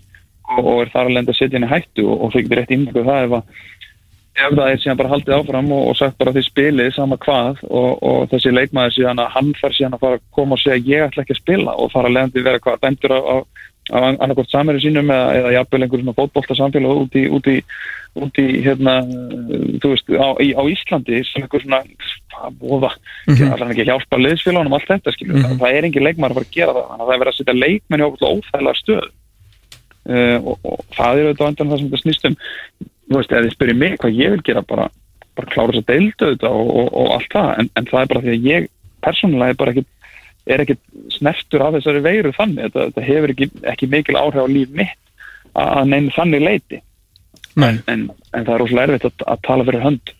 Uh, þú veist, öruglega 400 leikmanna mm -hmm. í, í efstu teimundunum, þá erum við bara að tala um efstu tværdilna, þá erum við ekki að tala um heldur nerdilna, þannig að veist, þetta er þetta bara mjög flóknara, flóknara heldur en það að, að þetta sé bara eitthvað svona hvað er þetta bara að klára þess að deilna þess mm -hmm. og það er ekki að því neðan sem að fer í, í náttúrulega deildakjörunum því fleiri liður út á landi og þá eru fleiri, fleiri heimsóknir til Reykjavíkur og til og frá, frá Reykjavík og, og allt það Akkurát, ég, ég, ég, ég get bara ímynda með það að það sé, sé maður að maður er, maður er að giska núna en, mm en, en ég gerir mér, er samt tilfinningi maður segir að, að hlutalið sé herra sem myndur segja bara hey, þetta er bara komið fint, þetta er bara slúttum þessu núna. Það er reglugir sem segir að það sé lægi uh, að gera það. Og veist, ég, ég held að að þú veist, hlutalið þar er herra uh, og, og þá spyrir maður sig mena, fyrir hvernig er þetta það? Já, já, einmitt, einmitt. Fyrir, fyrir, fyrir hvernig verða að spila, skilur ég veit það ekki eins og hérna með í Ísari könnun sem að það eru er réttumlega 370 svör svo færði í þessu og það er hann eins og svo stofminna á að vilja stoppa þetta. Svo hérna óttast þú að fara í sótkví eða þurfa að fara í einangrun? Það er sko er 60% já hjá hérna hjá körlum um, 40% hjá, hjá konum. Óttast þú að fá COVID? Er sko 60% sömulegis hjá, hjá körlunum og, og svona kortir í 40% líka þannig að svona, þetta er alveg, maður sér alveg á þessum tölum allar en maður bara horfður á þessi gröf sem að fengu hjá þeirra hérna, að leikmenn eru rosalega meðvitaðir enda náttúrulega mjög margir bæði í kalla og hvernig, kannski sérstaklega hvernig menn búin að fara í einagrun og vera mjög snertað þessu raun og veru sko. Akkurat og, og þú veist og, og, og ég menna það þetta segir alveg sína sögu líka, ég menna þetta séu, séu 60% og upp úr sem, að, sem bara óttist að fara í einagrun eða, eða eða, eða, eða þá fá, fá bara veiruna og ég menna ef þú óttast það þá kannski ert ekkert í neitt kjör, kjör aðstæðum með það að þegar einhver segir að þú breyir að spila og sama hvað. Það, það, það er verið að setja því ótrúlega stöðu og, og það er einhvern veginn það sem við kannski ættum að, að reyna að vera að forðast. Um, ég menna ef, ef að staðin er þannig að það bara er talið alveg, alveg, alveg örugt fyrir leikmenn að spila ok, en, en að mínum að, að, að þá hefur ekki það, hefur það öryggi leikmenn ekki verið tryggt.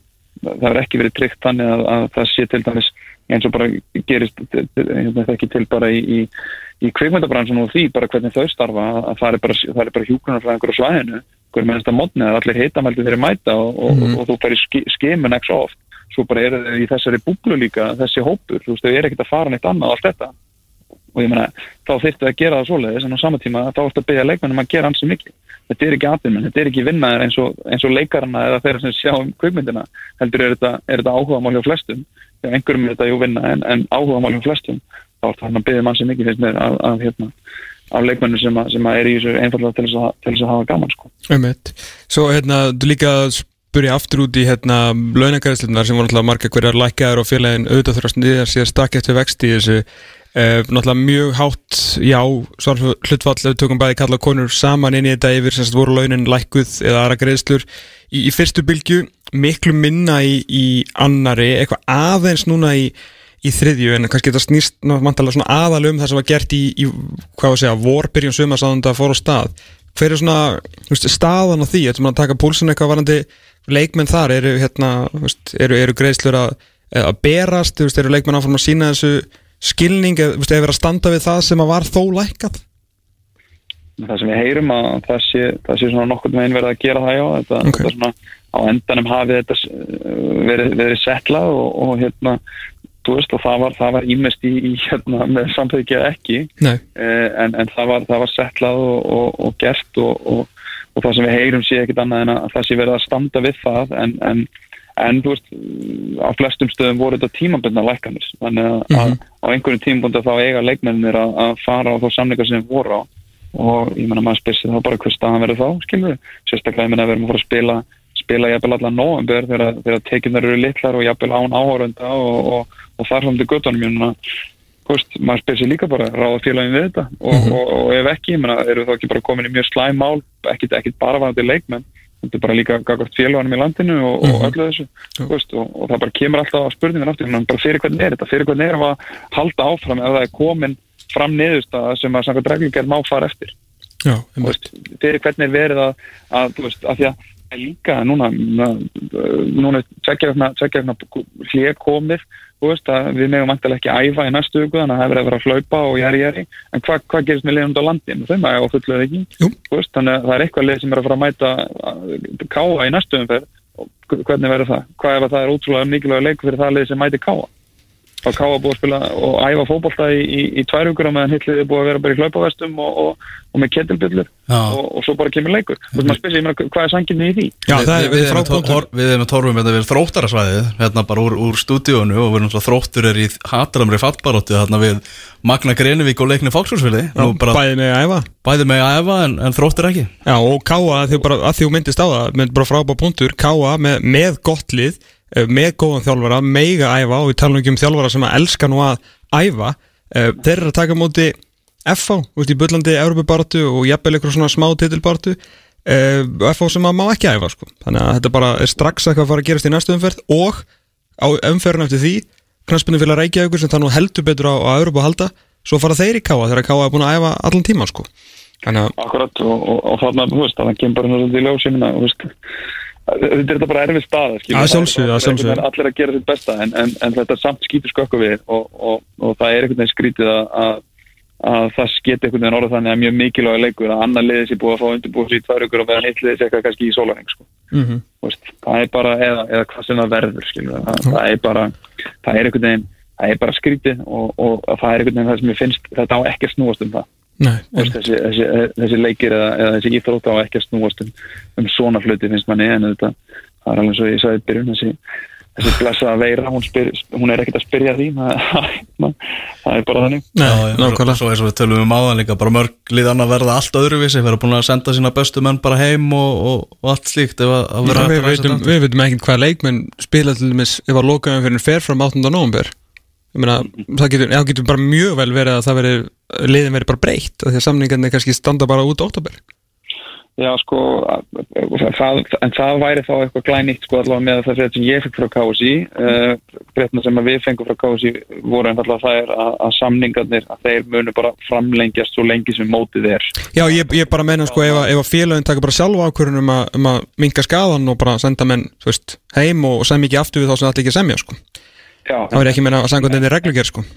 Nei, en það gerir samt í báða, báðar áttir. Þannig að félagið má heldur ekki segja upp samningi mm. uh, fyrir uh, þetta, þetta gildir bæði fyrir leikmannin og félagið. Skilji, má ekki láta þið fara og leikmannin má heldur ekki segja ég er farin þannig að ok, þarna er verið gott. að vernda báða aðalærunni upp á þetta einmitt gerist ekki sko. ah, uh, þannig að þannig allavega samkvæmt þeim frétti sem ég fekk frá KSI þá á þetta ekki geta gerst. Uh, frábært, já, ekki, ekki frábært en, en frábært að heyri þér Arnar, gaman að hérna fá þetta og vandalegru þegar að fara með þetta í hérna, veist, að, spjalla við einhverja, fórkálfa í þessu um, um niðurstöðunar Við verðum að gera það, ég, ég, ég mun heyri guðuna, guðuna með þetta uh, vonandi núna um helgina eða, eða strax í byrjun næstu viku. Mhm. og, og, og heyra Ringir bara í rauðarsíman þá, valsíman eða?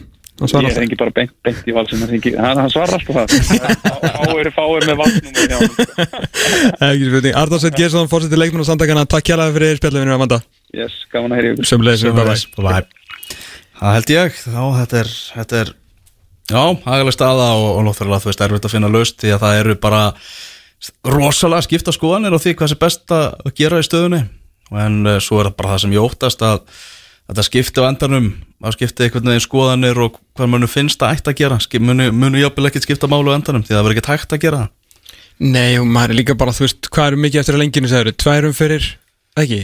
Tværum fyrir og eitt leikur, það er eftir keflaði grindaði auðvitað, auðvitað, auðvitað. Tværum fyrir þar, hvað, fjórarum fyrir í, í, í Pepsi Max Karla um, og það var nú að taka hérna fyrstu þrjárum fyrir þarna samkvæmt planinu sem Undan úrslit og úrsliti byggar undanúslugslega byggar sko að hérna en það er svolítið svona það einfaldast ef eitthvað er einfalt þá hlýtur að vera það. Þú veist það verður að spila það í februar þess vegna sko. Skilur ég bara svona það er, ekki, það er náttúrulega ekkert ídealt í þessu en það verður þá allavega hægt.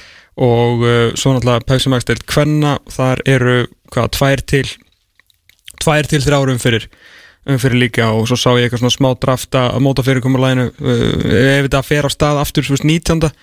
að uh, þá sko 19. 20. og 21. umfyrir hún er bara, það er náttúrulega ein vika tekin í hana sko Já, svo kemur smá pása, lokaðum fyrir þannig að menn eru allavega að hérna, sem eru á bakutöldin veist, það er allavega verið að undirbúa það ef þetta fer aftur á stað, því að þetta sjálfsögðu viljum við geta klára þetta viljum, þú veist, þetta, þetta mót og þetta er með nógu stóru svona, stóri stjörnu við sig þegar verður, þetta verður sko rifjað upp á Wikipedia um aldir alda við þurfum ekki, sko, tvær aðra stjörnu þess að setja móti var ekki klárað Fatturðu? Þetta er erfitt fyrir alla en, en Og uppistæðan í þessum útastætti sem þú vorst að hlusta á núna hefur alltaf verið íslenski boltin Þannig að við viljum hafa íslenska boltan í gangi Það sjálf, sjálfsögða, sjálfsögða, það bara má ekki vera á einhvern sko slæman kostnað sko. Nei. Það er þetta, það, forsennar þurfa að vera eins góðar og, góðar og hægt er. Já, það er alveg, alveg hárið En hvað í fjandarnum er svo að fara að gerast? Það á engin pening sko. Annarkur þeir heldur leikmenn bara hætta, fattur þú? Ef þeir vil ekki spila fyrir pening. Eða bara við erum að fara í einhverja pjúra sko. Hérna, sko. Já, Ég meina, þú veist, ég var að heyra að það, hérna, eitt reysa fyrirtæki sem er með, hérna, ansi stóran spons hjá nokkru félögum og sérstaklega tveimur í Írlandi. Eh, Það er bara verið að taka, það er verið að tala um sko samninga í heilsinni upp á alltaf svona kortir í 20 miljónir króna yfir tvö félög. Að hérna, þeir eru bara að hætta. Það er bara, bara draga þessa svakalegu fjárhæð út úr þessu og ég meina, við vitum alveg af fleiri og þetta á mér svo löngu byrja fyrir COVID fattur. þannig að hvar menn er að fara að sækja peninga það, það veit maður ekki alveg sko. Þannig að þetta getur orðið ansi breytt landslega já, það er möguleika því. Við lifum á, á fórtamálusum tímum eins og marg, marg, marg, marg, marg oft hefur komið fram En svona er staðan bara Heyrðu, við ætlum bara að heyra í Freysa ætlum að spóla okkur aftur í landslið hér á eftir og eh, heyra hvernig gekk á æfingu hjá þeim áðan í Kaplagriga í Kaplakrika hjá strákunum okkar og uh, skoða ræða náttúrulega leikin á 50 dagina eins meira og svo framhaldið leikur á mötu Danmörku. Anna kvöld á lögadarsvelli 1845 og góðu fyrir þetta það er að það er mæta aftur strákunir í tólfunni, fá aftur um 60 sæti á, á leiknum. Krak, krakkarnir í, í tólfunni og ef er líka konur hann. Já, heldur betur Erum svo náttúrulega, ef þið mistu það upp á við þáttarins þá getur þið annarkvæð sendt post á útvarpat.fótboltum.net eða fara á Twitter sett upp ykkar draumalið. Ís Íslands frá því að þið byrjuðu að horfa þegar við setjum kall og konu saman við viljum bara sjá skemmtilegasta liðið bara setið saman hver, bara, ykkar uppáhalds besta stjörnu landslið okkur alveg sama hverjir eru Og, hver pælingin er hjá okkur? hver pælingin er, bara setja upp 11 manna lið, hvernig þið gera það, hvort þið viljið taka eitthvað screenshot, senda eitthvað myndir, whatever eða stilla bara upp í gamla góða textan uh, hendið á Twitter hashtagið fótbolti.net þið getið unnið nýju landslistræðina frá Pummu áritaða af öllum leikmennum íslenska landsliðsins. Gullkynnslóðin sem er búin að fara með ykkur á tvö stórmót er á leiðinni á það. Þriðja freysi hérna eftir augnablik Þú ert að hlusta á fótbolti.net á Exinu 977 Hárið hjá Mána og það er landsliðstuð, landsliðsparti hjá okkur strákunum, eru báður hérna með, með derhúfur með eh, merkinu, nýja landsliðsmerkinu og erum náttúrulega að fara að gefa hérna landsliðstreyju og ég veit ekki hvað og hvað. Tölum við varna Gretarsson um landsliðið áðan og nú ætlum við að fara að ringja í sjálfan aðstór landsliðstjálfaran Frey Alexandersson. Heldur betur, strákundir að æfa eins og sagðir á hann í Kaplagríka í morgun Skann stóra hugga á milli, við erum komnir eh, svona, við erum 90 mínútum frá eh, þriðja stórmótinu en menn þurfa að koma sér niður á jörðina því að það er annað stórt verkefni fyrir höndum og það er að vinna Danmörku í fyrsta, fyrsta sinn. Liðið sem að við getum ekki unnið, sama hvað. En á línni er Freyr Alessindursson, aðstofar landslýs þjálfari, hvað segir þið gott fyrir Ég segi bara er ljómandi gott. Jú, en þið sjálfur þarna Við erum alveg, alveg rosa fínir sko, vorum að he- hella upp á kaffi og Já. erum bara flottir sko. Já, gott, það er vonandi gott kaffi. Já, þetta er ágætt sko. Ég reyndar heldi alveg Þetta var svona kaffi uppallingur með frjálsri aðferð Þannig að það fór svolítið mikið út fyrir. En ah, en það er eins og það er. En við erum með nýju húuna Báðir. Nýju húuna húuna maður. Ok, ná flott. Já, hann er ekki ekki sko. Mm, og bara þægileg sko. Já, Svört og sigurlaus Það er ekki sama húa þú ert alltaf með Já, hún er geggju Já. Mhm Við það hún er, er mjög töf sko. Þannig að ég er að vera trendsetter Það er gott Það má vera að segja það sko Má segja það Herri, hvernig er lífið búið að vera eftir að eh, koma sér eh, 90 mínútur frá, frá stormóndunum? Var ekki, var ekki menn kátir? Var ekki, þú veist, var ekki bara bros og bara svona almenn skemmtilegi þarna um nýju leiti á fimmtæðin?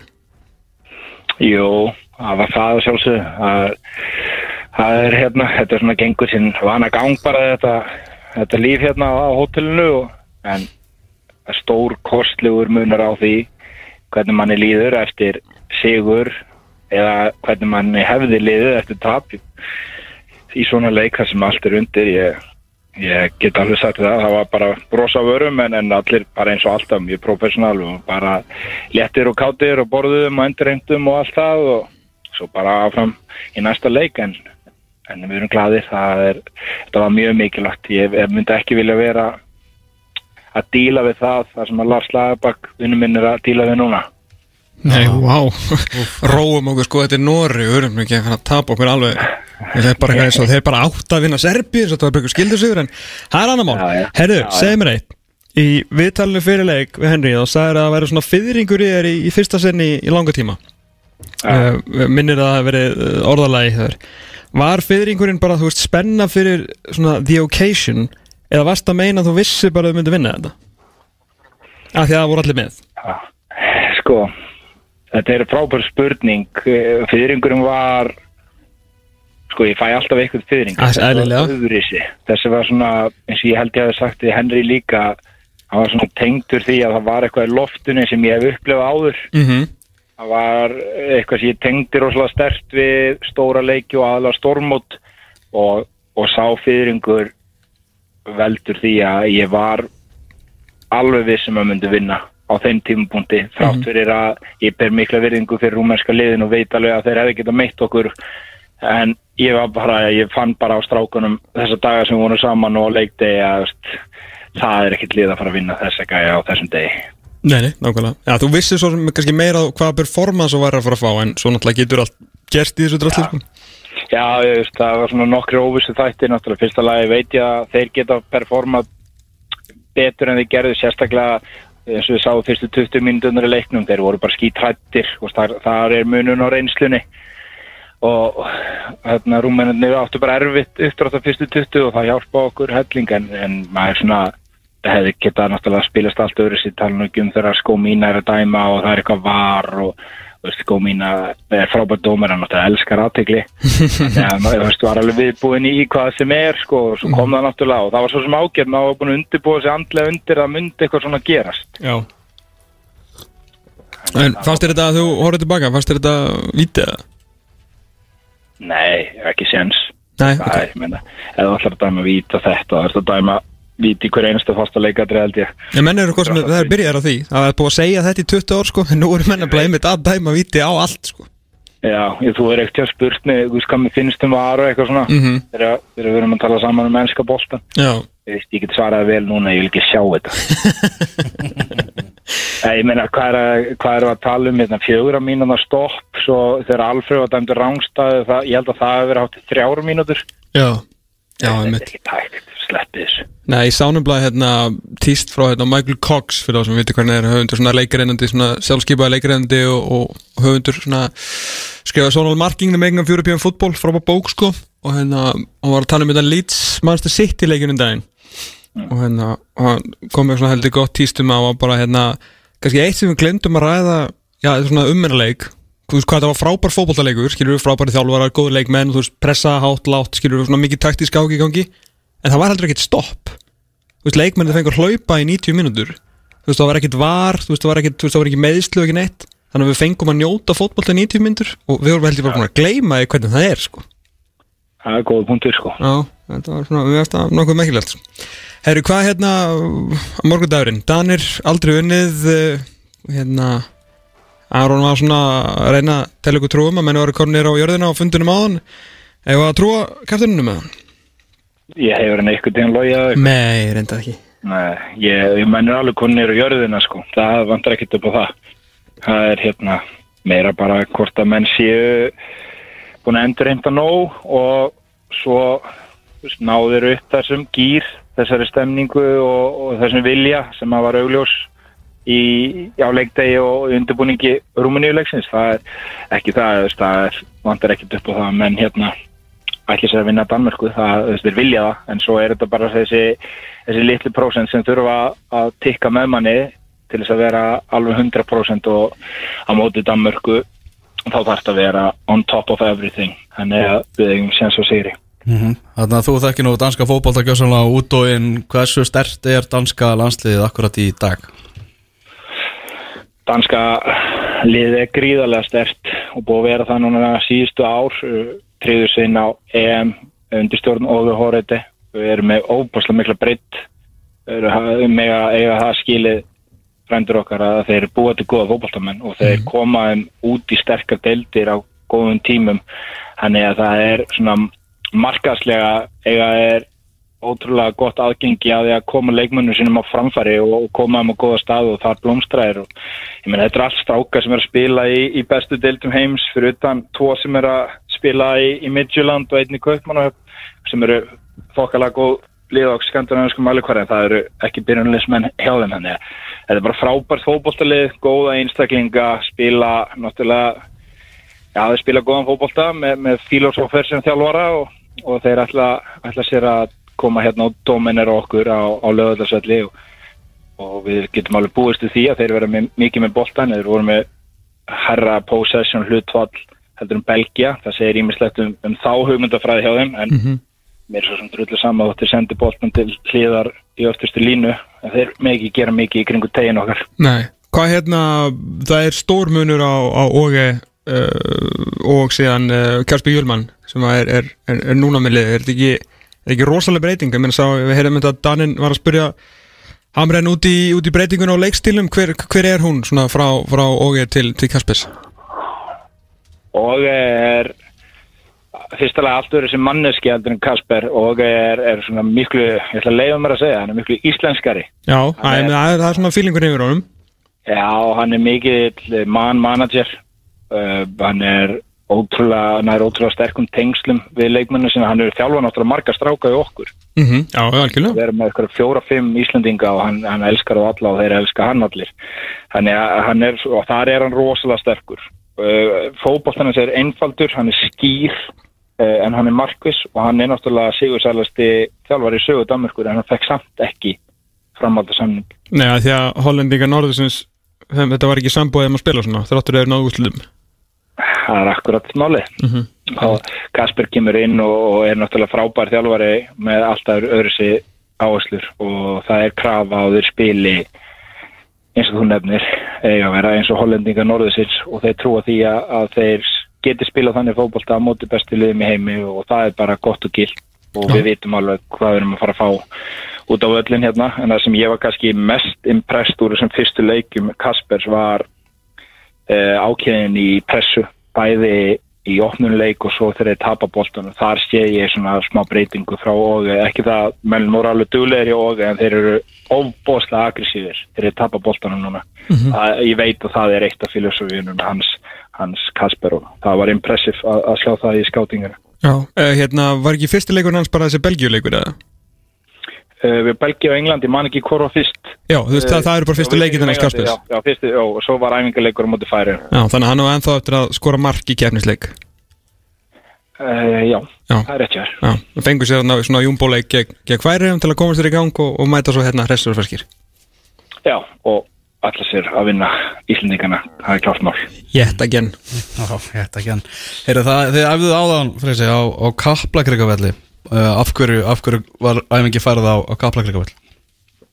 Um, völlurinn er, lögatarsvöllurinn er bara undir miklu álægi, hann, eins og þið sáu kannski í leiknum móti rúminni, hann er laus í sér og það, danirnir koma í dag eiga sem sé rétt á æfingu og við vonum í rauninni bara að gefa vallar starfsmönnum aðeins meiri tíma að vinna í vellinu svo að hann verði betri fyrir leikin á morgun. Eh, Þessa æfingu okkar að skipta ekki öllu máli hvort við erum á lögadarsvelli eða, eða á einhverjum öðrum góðum græsvelli. Við þekkjum alveg lögadarsvellin þannig að við vorum bara hlýfa á vellinum til þess að hafa sem bestan á morgun og velli var góður. Það er enda var frost í nótt þannig að það var frost í honum alveg svo var frost í lögadarsvellinum Mm -hmm. en það, þýðnaði fljótt þannig að þetta var bara fínt og, og vel tekið á mót okkur í hafnafri. okay. Og gekk alltaf óskum á, á æfingunni? Já, og gekk allt ljómandi vel. Þetta var náttúrulega létt æfing. Það er svona, þannig er rytmi í þessu núna. Bara, bara löf létt rýmændir á það sem við erum að gera og koma mönnum á stað. Já, uh, gæðastjórinn í, í gönguspelku hvað hérna, svona nýrri frettir ánum, vita nákvæmlega hvað er að það? Um, já, það, það sem við vitum er náttúrulega þess að kom fram í gerð, hann er ekki brotinn liðbandarskaði ökla um, það er ekki ljóskort að þetta sé, sé nýmeðsli eða þessi skaði sem sést á liðbandunum hvort það sé eitthvað nýtt eða hvort það sé gamalt því að hann er búin að rústa þessum liðbandum oft mm. okay. þannig að það, tekur bara smá tíma bólgur og, og svona drask fari úr þessu þannig að hann, hann er engar á að gera þessu fyrir nógumber en við, hann kann náttúrulega komast af stað fyrr til Já. að geta spilað og æft við erum vonandi spilað eftir hvernig þetta verður hérna í Íslandi í deildinni Já, nákvæmlega. Hvað hérna, hvernig er, viðstu annars, hótelífi? Ég meina, þeir með ekki fá neinar heimsóknir eða ekki, þú veist, ekki þannig, þeir eru alveg bara læstir saman daginn út og inn. við erum algjörlega læstir inni það er, kemur engin inn og fyrir engin út Nei. og við þurfum meira þess að vera með grímur á göngunum og öllum, öllum svona opnum rýmum Ok, Eh, en hótellífi gengur rosalega vel þeir njóta þess að vera saman og, og veist, ég er ekkert að segja það bara til að segja það. Er alveg augljóst en fyrst ógeðslega gaman að vera í kringu hvort annan. Ok.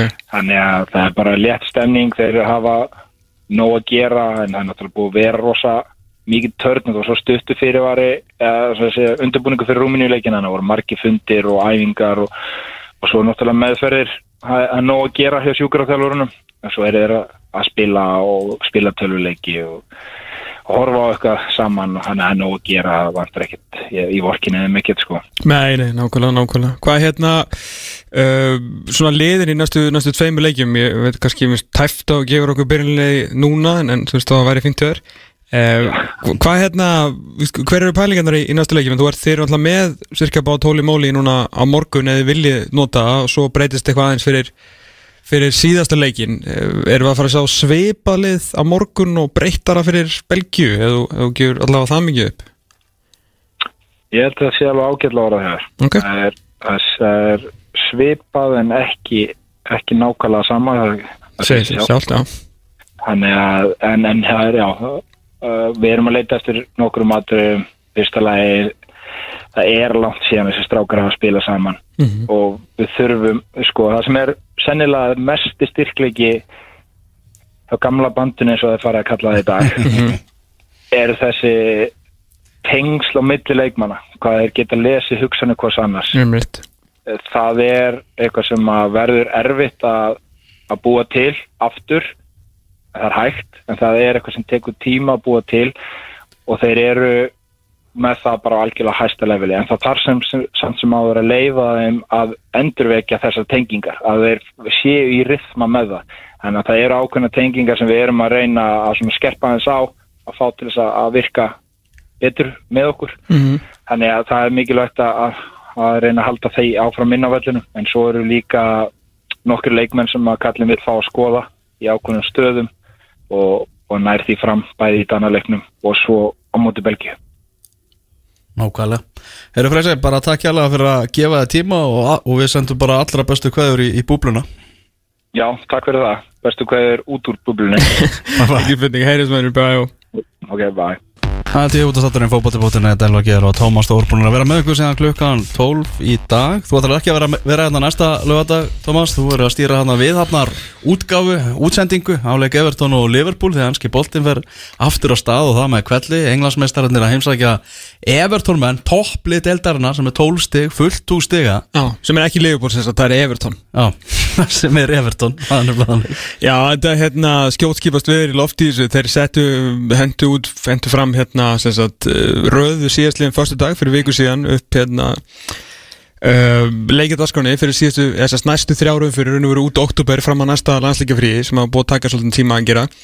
Og eins og staðan var þar þá var þetta bara komið að gamla góða, leikur 12.30 sérst úti, það stýttist ég að við fyrir á þann tíma. Svo voru fimm leikir klukkan þrjú og, og náttúrulega margir aðeim ekki síndir svo bara 17.30 og svo 13.30 eða hérna 2 og whatever hérna á sunnundugum sko og eitt leikur um mánuði eða eitthvað og hérna ég heldur bara að þetta væri alltaf að fara í, í, hérna, í sama, eða svo þetta gamla góða horfið og, var búin að bóka allt, skella lýsendum á leiki sem að þurfti, búin að fá sérfræðinga og við ætlum að vera með hérna, uppbytun fyrir og sérst, eftir leik bæði Evertón Liverpool og City Arsenal hérna á lögutunum, það er svona, kennst ég ekki ynga, það verður mikill og stór dagur hjá okkur á Simirsport en síðan eh, náttúrulega fór ég svo svolítið að pæla heyrðu, já, ef að eh, náttúrulega því að breytanir er ekkert að fara að komast inn á vellina þannig að þeir ætla að vera með einhverja fimm leiki klukkan þrjú að þá fara þeir fram í kyrþi í Breitlandi því að það má ekki sína og fólki má ekki sjá þá. Þannig að ég er svona grun að Dani let nú yfirmann minn senda post á eitt svona hátt setta stað hjá, hjá Premier League sem að Birki Sveinsson hjá Premier League. Nei, herri það.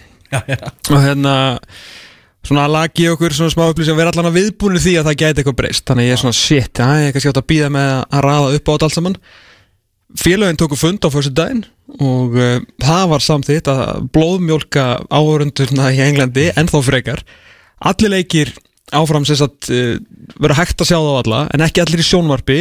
Þeir eru ekki að fara á Amazon Prime eða, hérna, eða BBC heldur vera þeir leikir sem að voru ekki upphafilega á Sky og BT settir á öppin sem sagt bara á símana og það hjá bæði Sky og BT og því er búið að raða upp leikjunum aftur og nú er til dæmis Newcastle United komin aftur fyrir City Arsenal þannig að ég, ég get ekki betur síðan að við séum að fara að sína alla leikin áfram út oktober sko. En ég veit að fá þetta á 100% staðfest en ég get ekki síðan annað en er, þetta sem, fá, er, sem er frábæra fréttir með, ef, þegar Íslandsmótið er í frosti sko. Já, heldur betur og, og, hérna, og meðan að Tjallinn þarf að borga sko 15 pund aukalega fyrir hvert leik sem að hann, sem hann bæði á ekki og hérna, fyrir hvert einasta leik sem að hann vil, hann vil sjá að þá uh, held ég að við getum bætt þetta við bara svona ykkur, að kostnaðalösu en þetta skýrist það voruð allt bara á mánudaginn sko. en ég býst ekki við neinu öru, þetta er bara sama leikjaprogram það sést 12.33, 17.38 á lögutum 12, 2, halv 5 og kortir yfir 7 þetta er sem sagt samkvæmt breska tímatalinu. Og svo fáum við aftur hérna Super Mondays 17.38 tveir leikir á Monday ah. Maggi ætlar að vera með mér á lögadaginn Já, að það er nú ekki amalegt að fá litla franda inn. Nákvæmlega, Magnús Már Einarsson Ég var spá, þú veist, að ekki bara fá hann og ég tek viðtal við hann. Bara um fyrir við tímabilið hjá afturheldingu og... Þú getur alveg tekið fyrsta hálftímanni það árun að breyta svo í sérfræðing Já, nákvæmlega, gefa Magga þess að það svisljósi Það er ekki spurning, mér er nógu að gera á honum. Minna hann er búin að spila frábæra fótbolta. Bara tvisvar í sótkví bara tvistar í sótkví, halda þessu afturningalið uppi sko með algjörum glans. Mm. bara búið að vera frábært að horfa á. Uh, alltaf í hvítum skóm Mm. á, á hliðlinni og með góðaskapið Já, svindlaði svona aðeins á hérna sótkvíreglunum á Greinivík, það er spurning hvort hann vil eitthvað greina frá því núna. Uh, og hérna, nei, nei, hann var á gráu svæði en gerði það vel. Gerðu þetta vel. Það var, var, það var ekki engin áhætt að tekja Það var nei, öllu farið með gátt. Ég veit, hann er bara að vera svo æstur þegar maður er eitthvað styrir í honum, það er, mjög gaman sko. Þannig að ég, mæli, ég myndi allan hlusta á það viðtal sko. Það held ég. Það er annars að voða lítið heimurinn er alveg rosalega leðilegur núna þegar við kveðjum. Ég skil að við erum búin að halda upp í náttúrulega stuðinu hérna fyrir þjóðinni, þjóðina í, í tvo tíma. Herðu, svo bara það er fóða lítið að fara að gerast núna Ég er með satt með eitt. Hvað? Nú, Klukkan fjögur. Ok. Færeyjar Lettland Í þjóðadeildinni, get ég sagt ykkur. Ah, Frændur okkar færeyingar sem eru búin að vinna báða leiki sína í þjóðadeildinni til þessa Já. Er að fara að taka á móti lettum. Klukkan fjögur. Og ég í betni útsendingu á stötu sport eitthvað. Já, sport fjögur sem ég er endar er ekki með því ég er bara með hann íslenska pakkan Þannig að ég veit ekki hverju ára á hann sko. Svo eru náttúrulega barinnir lokaðir en ekki getur að fara á sportbar ára á þetta. Nei, veit En já, þú fennu að sjá þína menn í, færiðum Svo er þetta spátt sviss í kvöld, það er nú alltaf líka. Markað þátturinn og svona, það er nú eitthvað En það er ekki mikið en að gera. Þannig að ég er bara að fara í göngutúr í Heiðmörk Þannig er lögðar Það er svolítið að það er Já, herðu, frábæð þáttur að baki hjá okkur strákunum. Við fengum Anda Greta sinna á línuna Tölum nýja samningin, tölum káa, aðstöðumálinn þar og framtíðina og auðvitað landsliði líka. Við tókum landslið vel fyrir uh, Við fengum Freysa, sem er leiðis Freyja Alessandesson á línuna uh, Ánæði með sigurinn, tilbúinir gegn dönum þar sem við fáum að sjá mjög svipalið.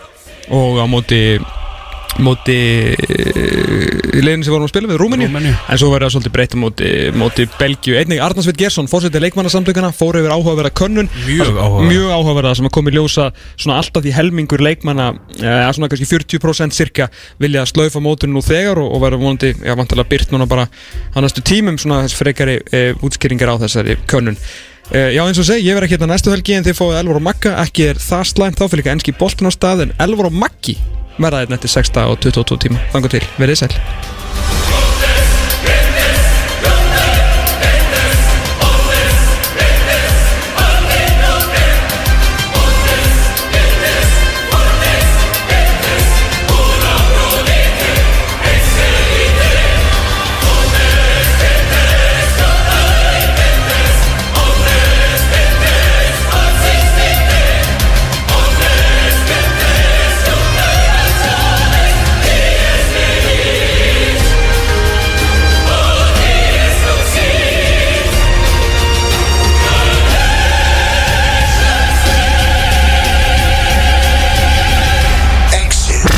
977 Tónlist fyrir gáfað fólk